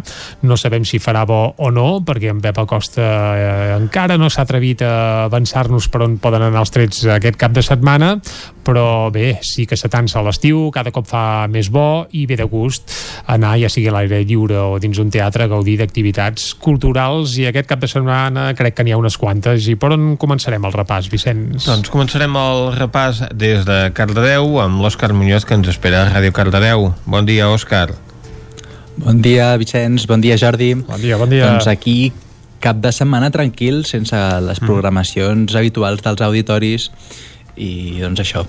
Comencem Comencen, destacant... comencen a tancar Granoll- ja una mica els auditoris, ja Sí, sí, ja la, la programació anunciant. perquè habitualment a l'estiu es fan activitats a l'aire lliure, més eh, fins i tot ara s'hi convé que la gent doncs, a l'aire lliure es poden concentrar en més quantitat i a més a més probablement ja eh, en poques setmanes fins i tot sense mascareta. Però això ja n'anirem eh, parlant, anem a veure ara quines són les activitats que hi ha programades per aquests propers dies. Doncs sí, em destaquem a Granollers un, el, un festival anomenat Òpera Aperta, el Festival d'Art i Paraula de Granollers, la, de relat, mirada i persona. Doncs com hem comentat, és un festival de petit format, íntim i proper, amb referències internacionals com els festivals de filosofia i de pensament que tenen lloc, per exemple, a Itàlia. I doncs això, partint d'una obra del, de la col·lecció d'art del Museu de Granollers, Òpera Aperta obre el diàleg a l'entorn d'un dels grans interrogants associats a la condició humana. Dit això, eh, anomenarem els, els actes que faran divendres, però també seran dissabte i diumenge, un munt d'activitats, i això destaquem els de divendres, començant al matí a dos quarts de dotze, eh, dins del museu, que allà hi seran tot, totes aquestes activitats i seran dintre del Museu de Granollers. Així que això, a dos quarts de dotze eh, hi haurà un taller de rap a càrrec de Bar Sembrant, eh, una escola popular que fomenta la consciència crítica de la joventut a través de l'art urbà i del hip-hop. A les 6 es farà eh, una tertúlia de mascaretes i persones el deure d'inventar-se d'un mateix amb el Xavier Antich, que és un filòsof i professor d'idees estètiques a la Universitat de Girona. A dos quarts de vuit, el jo i els altres. Serà una aproximació a la noció de la persona des de l'ètica i ens preguntarem eh, doncs, on comença i on acaba l'acció pròpia i si és pensable una idea del jo sense la noció de la comunitat. Totes aquestes eh, xerrades són molt reflexives i acabarem a les 10 amb què és allò que ens fa persones, una petita tertúlia oberta a, a l'entorn de les diverses acceptacions de la paraula persona, des de l'etimològica a la filosòfica eh, psicològica, però també des de la literatura i de les arts en general. Uh -huh. Així que Granollers, aquest cap de setmana, si la setmana passada eh, es va omplir d'esportistes, doncs aquest cap de setmana s'omplirà de pensadors i de gent doncs, eh, curiosa. Uh -huh. També eh, divendres a Granollers a, la, a dos quarts de nou es farà com una sessió musical i audiovisual a càrrec del grup Congost, una activitat per joves i serà una sessió eh, didàctica audiovisual on es combinaran la paraula, la imatge i la música. Un recorregut pels artistes i moments més importants de la cultura del club underground. Així que la joventut de Granollers, si vol passar una bona estona eh, amb música underground, amb imatges així de l'època, doncs això es farà a l'espai de joves de Gra.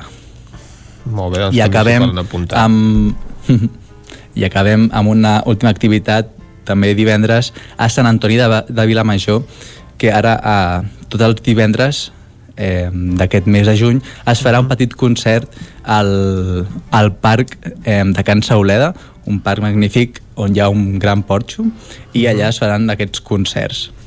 Aquest divendres eh, m'hi tocarà eh, The Soul Session una, una banda que fa doncs, versions de, de cançons de totes les èpoques i això serà a les 9 de la nit amb l'entrada gratuïta però cal fer la inscripció que com bé recordes sempre eh, si t'apuntes a una activitat gratuïta doncs que menys que assistir-hi, no?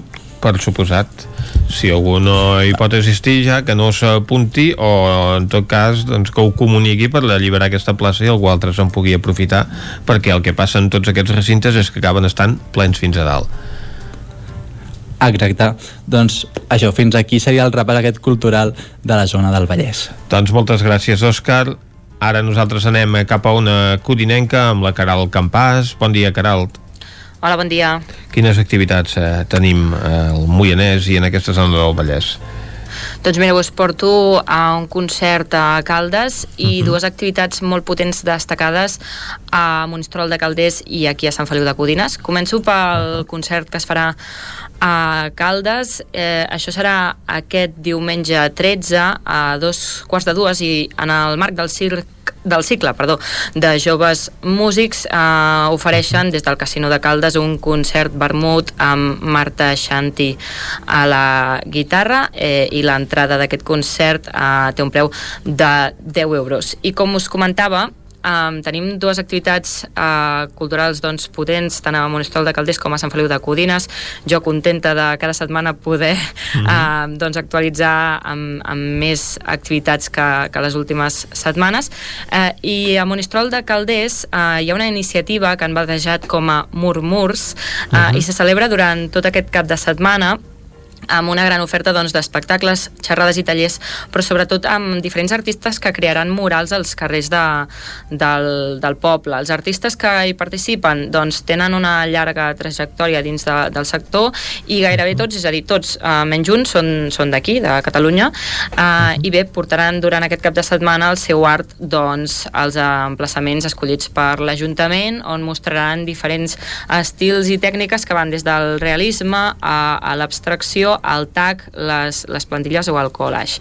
Llavors, tot i que aquest projecte arrenca divendres amb els preparatius i alguns dels artistes ja començaran doncs, a pintar divendres, el gruix principal doncs, es concentrarà en dissabte amb aquesta execució dels murals en diferents carrers de, del poble i entre els artistes que hi participaran hi ha, hi ha noms com Acore, Amone, Anna Tartiel, el col·lectiu Riu de Villes, Follet, Valiente Creations, Mario López, Marta Román, Uerens, Xavi el Petit i l'alemany Fabian Zolar.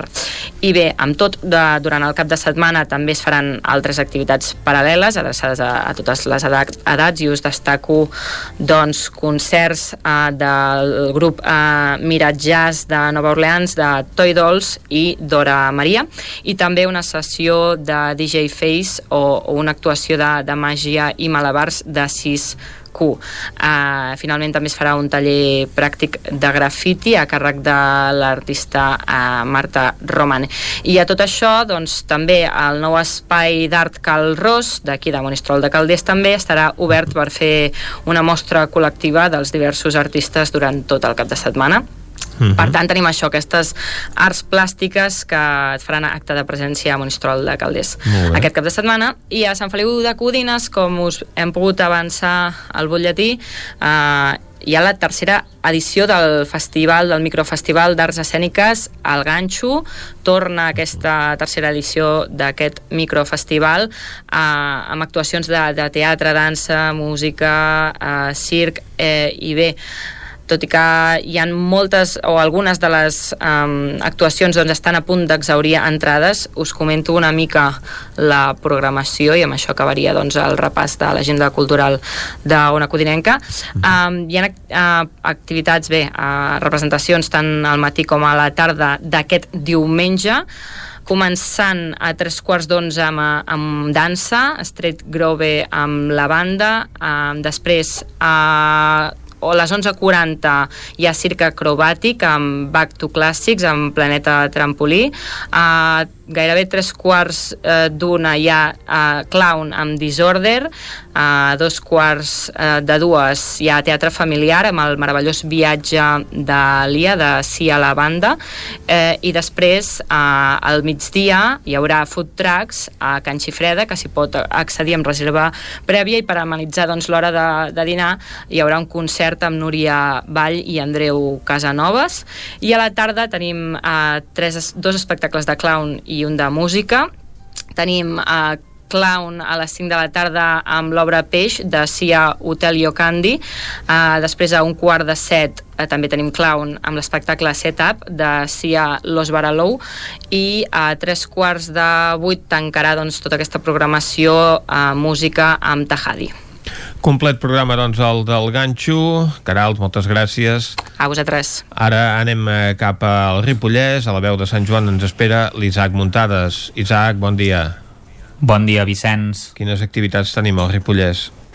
Doncs mira, si et sembla bé, comencem per aquest dijous a les uh -huh. 6 Mhm. de la tarda a la Biblioteca Lambert Mata de Ripoll, que s'hi farà l'obra titulada Un grapat de contes a càrrec del grup de teatre Sol Solet i en aquest cas, doncs, com en totes les activitats, cal confirmar assistència enviant un correu electrònic a, a la biblioteca de Ripoll.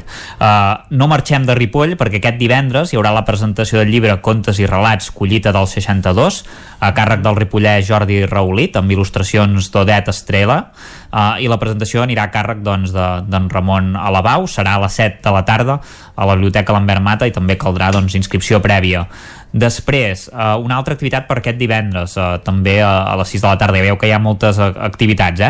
aquest, aquest cap de setmana i, i també el divendres sobretot. Això és bo. Uh, en aquest Eh, és bo, és bo, vol dir que a poc a poc es va recuperant doncs, eh, el to cultural que, que havíem perdut abans de, de la pandèmia. I tant. Uh, al Palau de l'Abadia de Sant Joan de les Abadeses, en aquest cas hi haurà un taller de furokishi per embolicar regals amb teles i presentació i també la presentació del llibre Residu Zero a casa de Bea Johnson. En aquest cas el, la presentació anirà a càrrec d'Ester Penya Rubia, que és traductora d'aquesta guia i també doctora en enginyeria agrònoma i activista conferenciant sobre el residu zero. I després d'aquesta presentació, doncs, com us he comentat, Penya Rubia farà aquest taller de furokishi que és, no és l'altra cosa que l'art i la tècnica per embolicar regals sense generar residus i de fet a qui vulgui participar cal dir que el material pel taller ja s'inclou i és, és un taller gratuït. I només cal dur, eh, demanen una cantimplora o un objecte d'una mida similar entenem doncs que per embolicar-lo a moda de, de regal per fer una mica la, la prova de com, de com fer-ho sense generar uh, residus. Uh, D'altra banda, aquest divendres també a la mateixa hora uh, i també al Palau de l'Abadia a les 6 de la tarda hi haurà una nova sessió del Club de Lectura en aquesta, uh, en aquesta edició sobre Mirall Trencat, el llibre Mirall Trencat de Mercè Rodoreda i dirigirà el col·loqui Neu Real, que és professora de didàctica de la llengua i la literatura de la Universitat Autònoma de Barcelona i totes les persones interessades doncs, poden sol·licitar en préstec un exemplar per fer-ne la lectura amb el carnet de qualsevol biblioteca del sistema de lectura pública de, de Catalunya i, i bé, també en aquest cas doncs, cal inscripció prèvia i evidentment eh, serà obligatori l'ús de la mascareta per al tema de, de la pandèmia. Després, eh, per, eh, ens queden dues activitats més. Aquest divendres, també a les 8 del vespre, al Cercle Can de Manolenc, hi haurà uh, jazz and beer que ve a ser una combinació de, de música i cervesa. Hi haurà cerveses Pilsters que es maridaran doncs, amb la música de The New Casino Jazz Band amb col·laboració especial de la vocalista Sophie Allen. Uh, l'entrada costa 15 euros i inclou 4 tastos de cerveses més el concert i també s'ha de, s'ha de reservar. I tornem a Sant Joan de les Abadeses perquè aquest dissabte se celebra la vintena edició de l'Escola de Teatre del SAT Teatre Centre de Sant Joan de les Abadeses a partir de les 8 del vespre Mhm. on eh, s'hi representaran les obres Sopa de Pedres, la segona part del Petit Príncep, Tricicle i la Boda no roda, amb la presència doncs, d'una trentena de nens i nenes. Ja veieu que les activitats aquest cap de setmana es concentren sobretot el divendres, les activitats culturals, alguna el dissabte, i el divendres ja us parlarem doncs, de les activitats d'oci que sí que eh, abarquen tot el cap de setmana. Uh -huh. Perfecte, i tenim també la Judit Nederman a Sant Joan, no?, aquest, eh, aquest diumenge. Sí, perdó, m'havia descuidat que hi havia Finalment, Nederman. després, de, després de, de varis intents. de varis intents, eh? A la, a la tercera bala vençuda, en aquest cas, doncs, eh, tindrem es eh, nota Judit que n'ets fan, aquí. eh, Vicenç? Però és que val molt la pena, és veritat. Sí, sí. Sí, doncs cap al Teatre Centre de, de Sant Joan a fer cap als que vulguin veure la Judit Nederman gràcies Isaac i ara nosaltres anem a parlar de l'actualitat cultural de la comarca d'Osona i ho fem amb en Jordi Vilarrodà Molt bon dia. Bon dia. Bon dia. Ja hem parlat al nostre programa del Cabró Rock, aquest festival que es durà a terme uh -huh. aquest cap de setmana a la zona esportiva de Vic amb un cartell de luxe. Efectivament, eh, ho recordarem només perquè ja se n'ha parlat abans, però és aquest festival que portarà en tres concerts, de fet, eh, un de uns dos de tarda vespre vagi i un de matí familiar, uh -huh. eh, grups de primera línia, amb aquesta intenció de que de que sigui un festival que vagi continuant. De fet, aquest és uh -huh. l'objectiu i, de, i, i l'any passat doncs, havia plantejat una mica d'aquesta forma, el Cabró Rock. Eh, hi haurà, com també ja s'ha dit, el divendres eh, Oques Grasses i l'Orquestra Diversiones amb l'atractiu de que és el primer concert en què Oques Grasses presenten el seu nou disc aquí a Osona. Els estem sentint ara. De fet, és un dels primers concerts que fan al Principat des que ha sortit el nou disc, perquè Mhm. de fet només han, n'han fet o en fan un aquests dies a Madrid, o sigui, a pa, els que van fer anteriorment encara no, el disc no havia sortit, el de Girona, de les trenes, per exemple, Mhm. o sigui que, que pròpiament gairebé és una, una estrena a Catalunya doncs, del, del disc del grup usonenc que, que estem sentint. Oita, Bye Bye és el primer O Bye single Bye. del nou disc d'Oques Grasses segur que aquest divendres sona a la zona esportiva de Vic M'estàs peça. dient que Oques Grasses anirà a Madrid a cantar Bye Bye? Sí, sí. Bye Bye. Doncs, Això té molt bé. múltiples interpretacions Moltes lectures. 呵 呵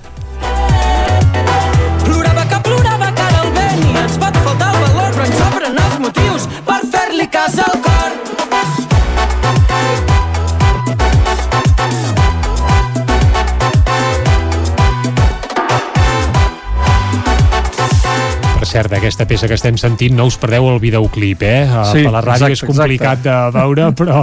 S'ha de veure, sí, s'ha de s'ha de veure. S'ha de S'ha de veure, el videoclip, de És veure espectacular. Jo, jo no, i a més a més dona molt eh, el sentit de la idea del, del que és aquest disc amb molt ritme llatí, eh, com se- estem sentint en aquest tema, eh, que tenen molt de protagonisme els ritmes llatins en aquest, en aquest nou treball que han fet els Oques Grasses i, i, i això n'és una mostra però en fi, es podran escoltar tots els altres i segur que també caurà algun dels clàssics de la banda i si més no de l'últim disc dels fan, del Fans del Sol eh, en fi, eh, això és el que hi haurà el divendres els eh, Oques Grasses seguits dels conegudíssims i festivaleros Orquesta Diversiones que ja veurem com s'ho faran per fer un concert amb l'Orquesta Diversiones amb la gent sí. quieta o sigui, Sí, és que sí. esclar, això precisament és, és l'essència del grup no és aquesta No, senyor, acostumats a I- fer animalades Sí, i endur-se'n la gent si convé a banyar-se a la platja. En fi, veurem- veurem com no resulta com això. S'ho faran aquesta I vegada. després, doncs, el divendres, ai, el dissabte, perdó, hi ha un concert amb el Pot Petit, un concert de familiar, eh, que seria el Cabró Kids, la part, la part Mhm. eh, infantil, i a la nit eh, dos altres primeres files, que són els Buos i Stay Homes. Stay Homes, el fenomen que, que, en fi, que veurem per primera vegada a Osona després del confinament, el grup que es va donar a conèixer en aquell moment, i els Buos que el van veure amb aquest format teatral que no havien fet mai de la seva vida aquí a l'Atlàntida, que és amb aquesta escenografia creada per l'Albert Pla, etc. i que ara eh, sí que els veurem en la seva essència més, eh, que és que és la de grup de, de festivals, els Buos. Ara estem escoltant els Stay Homes, eh, de fons. Mm, ja, ja, bé, sentit una mica, els Stay Homes. Uh, bé, això serà el Cabró Rock que ens donarà per primera vegada del seu confinament i des de la pandèmia i des de, en fi, tot el que hem passat, la imatge de mm, uh, molta gent musical. molta gent reunida en un concert. Uh, o sigui, que tindrem per primera vegada aquesta imatge, encara que sigui estàtica, però serà primer esdeveniment multitudinari, multitudinari que, que, que hi ha eh, a Osona eh, en un exterior, zona esportiva, eh, per tant, tranquils, eh, en principi és un entorn molt segur i això serà dissabte, divendres i dissabte, perdó. Eh, però abans, el dijous, qui vulgui anar a veure teatre, l'Atlàntia està rematant la temporada, de fet, ho fa, en aquest cas, un espectacle de petit format a la sala Joaquim Maideu, dijous a les 8 del vespre, l'espectacle es diu És el moment, és un monòleg que interpreta la Clara Cortés, que l'ha creat ella amb la Gemma Sastre, i passa en un lavabo o sigui, a dintre d'un lavabo o sigui, hi ha una... Un monòleg a dins un lavabo. Sí, sí, o sigui, ells, elles mateixes ho diuen. L'espectacle es desenvolupa en el moment de cagar o sigui, així. O sigui, una noia que reflexiona, ha seguit el mètode aquell de la Marie Kondo, d'endreçar-ho tot a casa seva, allò uh -huh. endreçar bàsicament consisteix en desprendre's de coses, llançar-les, diguem, uh -huh. i eh, asseguda allà eh, es pregunta com, com és, perquè tothom reflexiona en el moment aquest que està en, aquest, en aquesta situació, eh, i com pot ser que això et pugui capgirar la vida, i del capgirament doncs, físic d'endreçar la casa que acaba de fer, doncs passa també a la, a la, a la vida, a alguna cosa més que llançar peces de roba o objectes diversos, no? De la memòria, del record, del desamor, de les relacions amoroses, etc etc etc. I eh, es deixa anar, diguem, en aquesta conversa íntima en un lloc íntim i un moment íntim. Uh -huh. Això serà a l'Atlàntida. Més coses que tenim aquest cap de setmana. Eh, tenim la continuïtat d'aquest festival que va començar a Hostalets de Balanyà la setmana passada. Això serà divendres. El festival és el Nyam Nyam Music Festival i en aquest cas rep aquest divendres el grup La Primavera, Primavera, uh -huh. així en separat, eh? Uh -huh. eh, que està format per Mar Martínez i Xevi Clemente, eh, cantant ella, guitarrista ell, venen de Manresa. Eh, aquesta banda doncs, eh, serà la que farà el segon concert i en quedarà encara un del cicle, que serà la setmana que ve amb eh, Joina, que tancarà els, els, els tres concerts del, del festival. També tanca el cicle de música de Santa Llúcia, músiques a Santa Llúcia de Taradell. En aquest cas torna als concerts de la Font Gran amb sonates i partites de violí de Bach que ha estat el leitmotiv de tot aquest cicle. Eh, la setmana passada també doncs, va haver-hi aquestes sonates i partites barrejades amb dansa però aquesta vegada serà només amb, no, només amb, amb, amb música.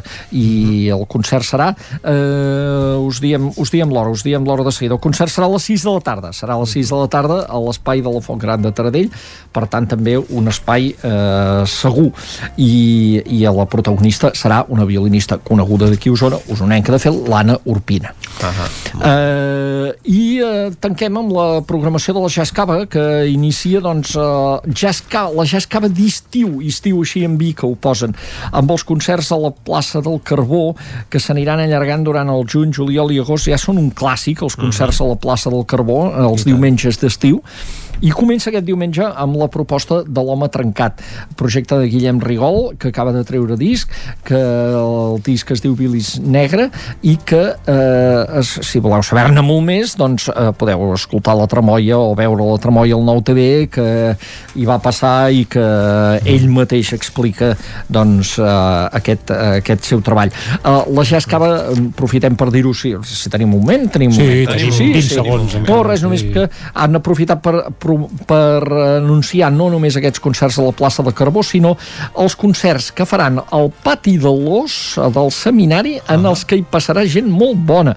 Gramofon a les Tars, en Pau Riba, Reinaldo i Clara, Tarta Relena, en Joan Colomo, la Gemma Homet, en Pau Vallvé, o sigui, una de concerts aquest Mare estiu al pati de l'Os del seminari, que és un programa realment eh, molt, molt atractiu. Doncs anirem parlant. I tant, el seguirem. Ara per això el que ens toca, Vicenç, és ja marxar, acomiadar-nos. Sí senyor, és l'hora de posar a punt i final a aquest territori 17 que hem fet Clàudia Dinarès, Caral Campàs, David Auladell, Isaac Muntades, Pep Acosta, Guillem Freixa, Dolors Altarriba, Jordi Givert, Òscar Muñoz, Jordi Vilarrodà, Jordi Sunyer i Vicenç Vigues. Nosaltres tornarem demà, com sempre, des de les 9 i fins a les 12. Adeu. Salut. Territori 17, un magazín del nou FM. La veu de Sant Joan Ona Codinenca i Ràdio Cardedeu amb el suport de la xarxa. El nou FM.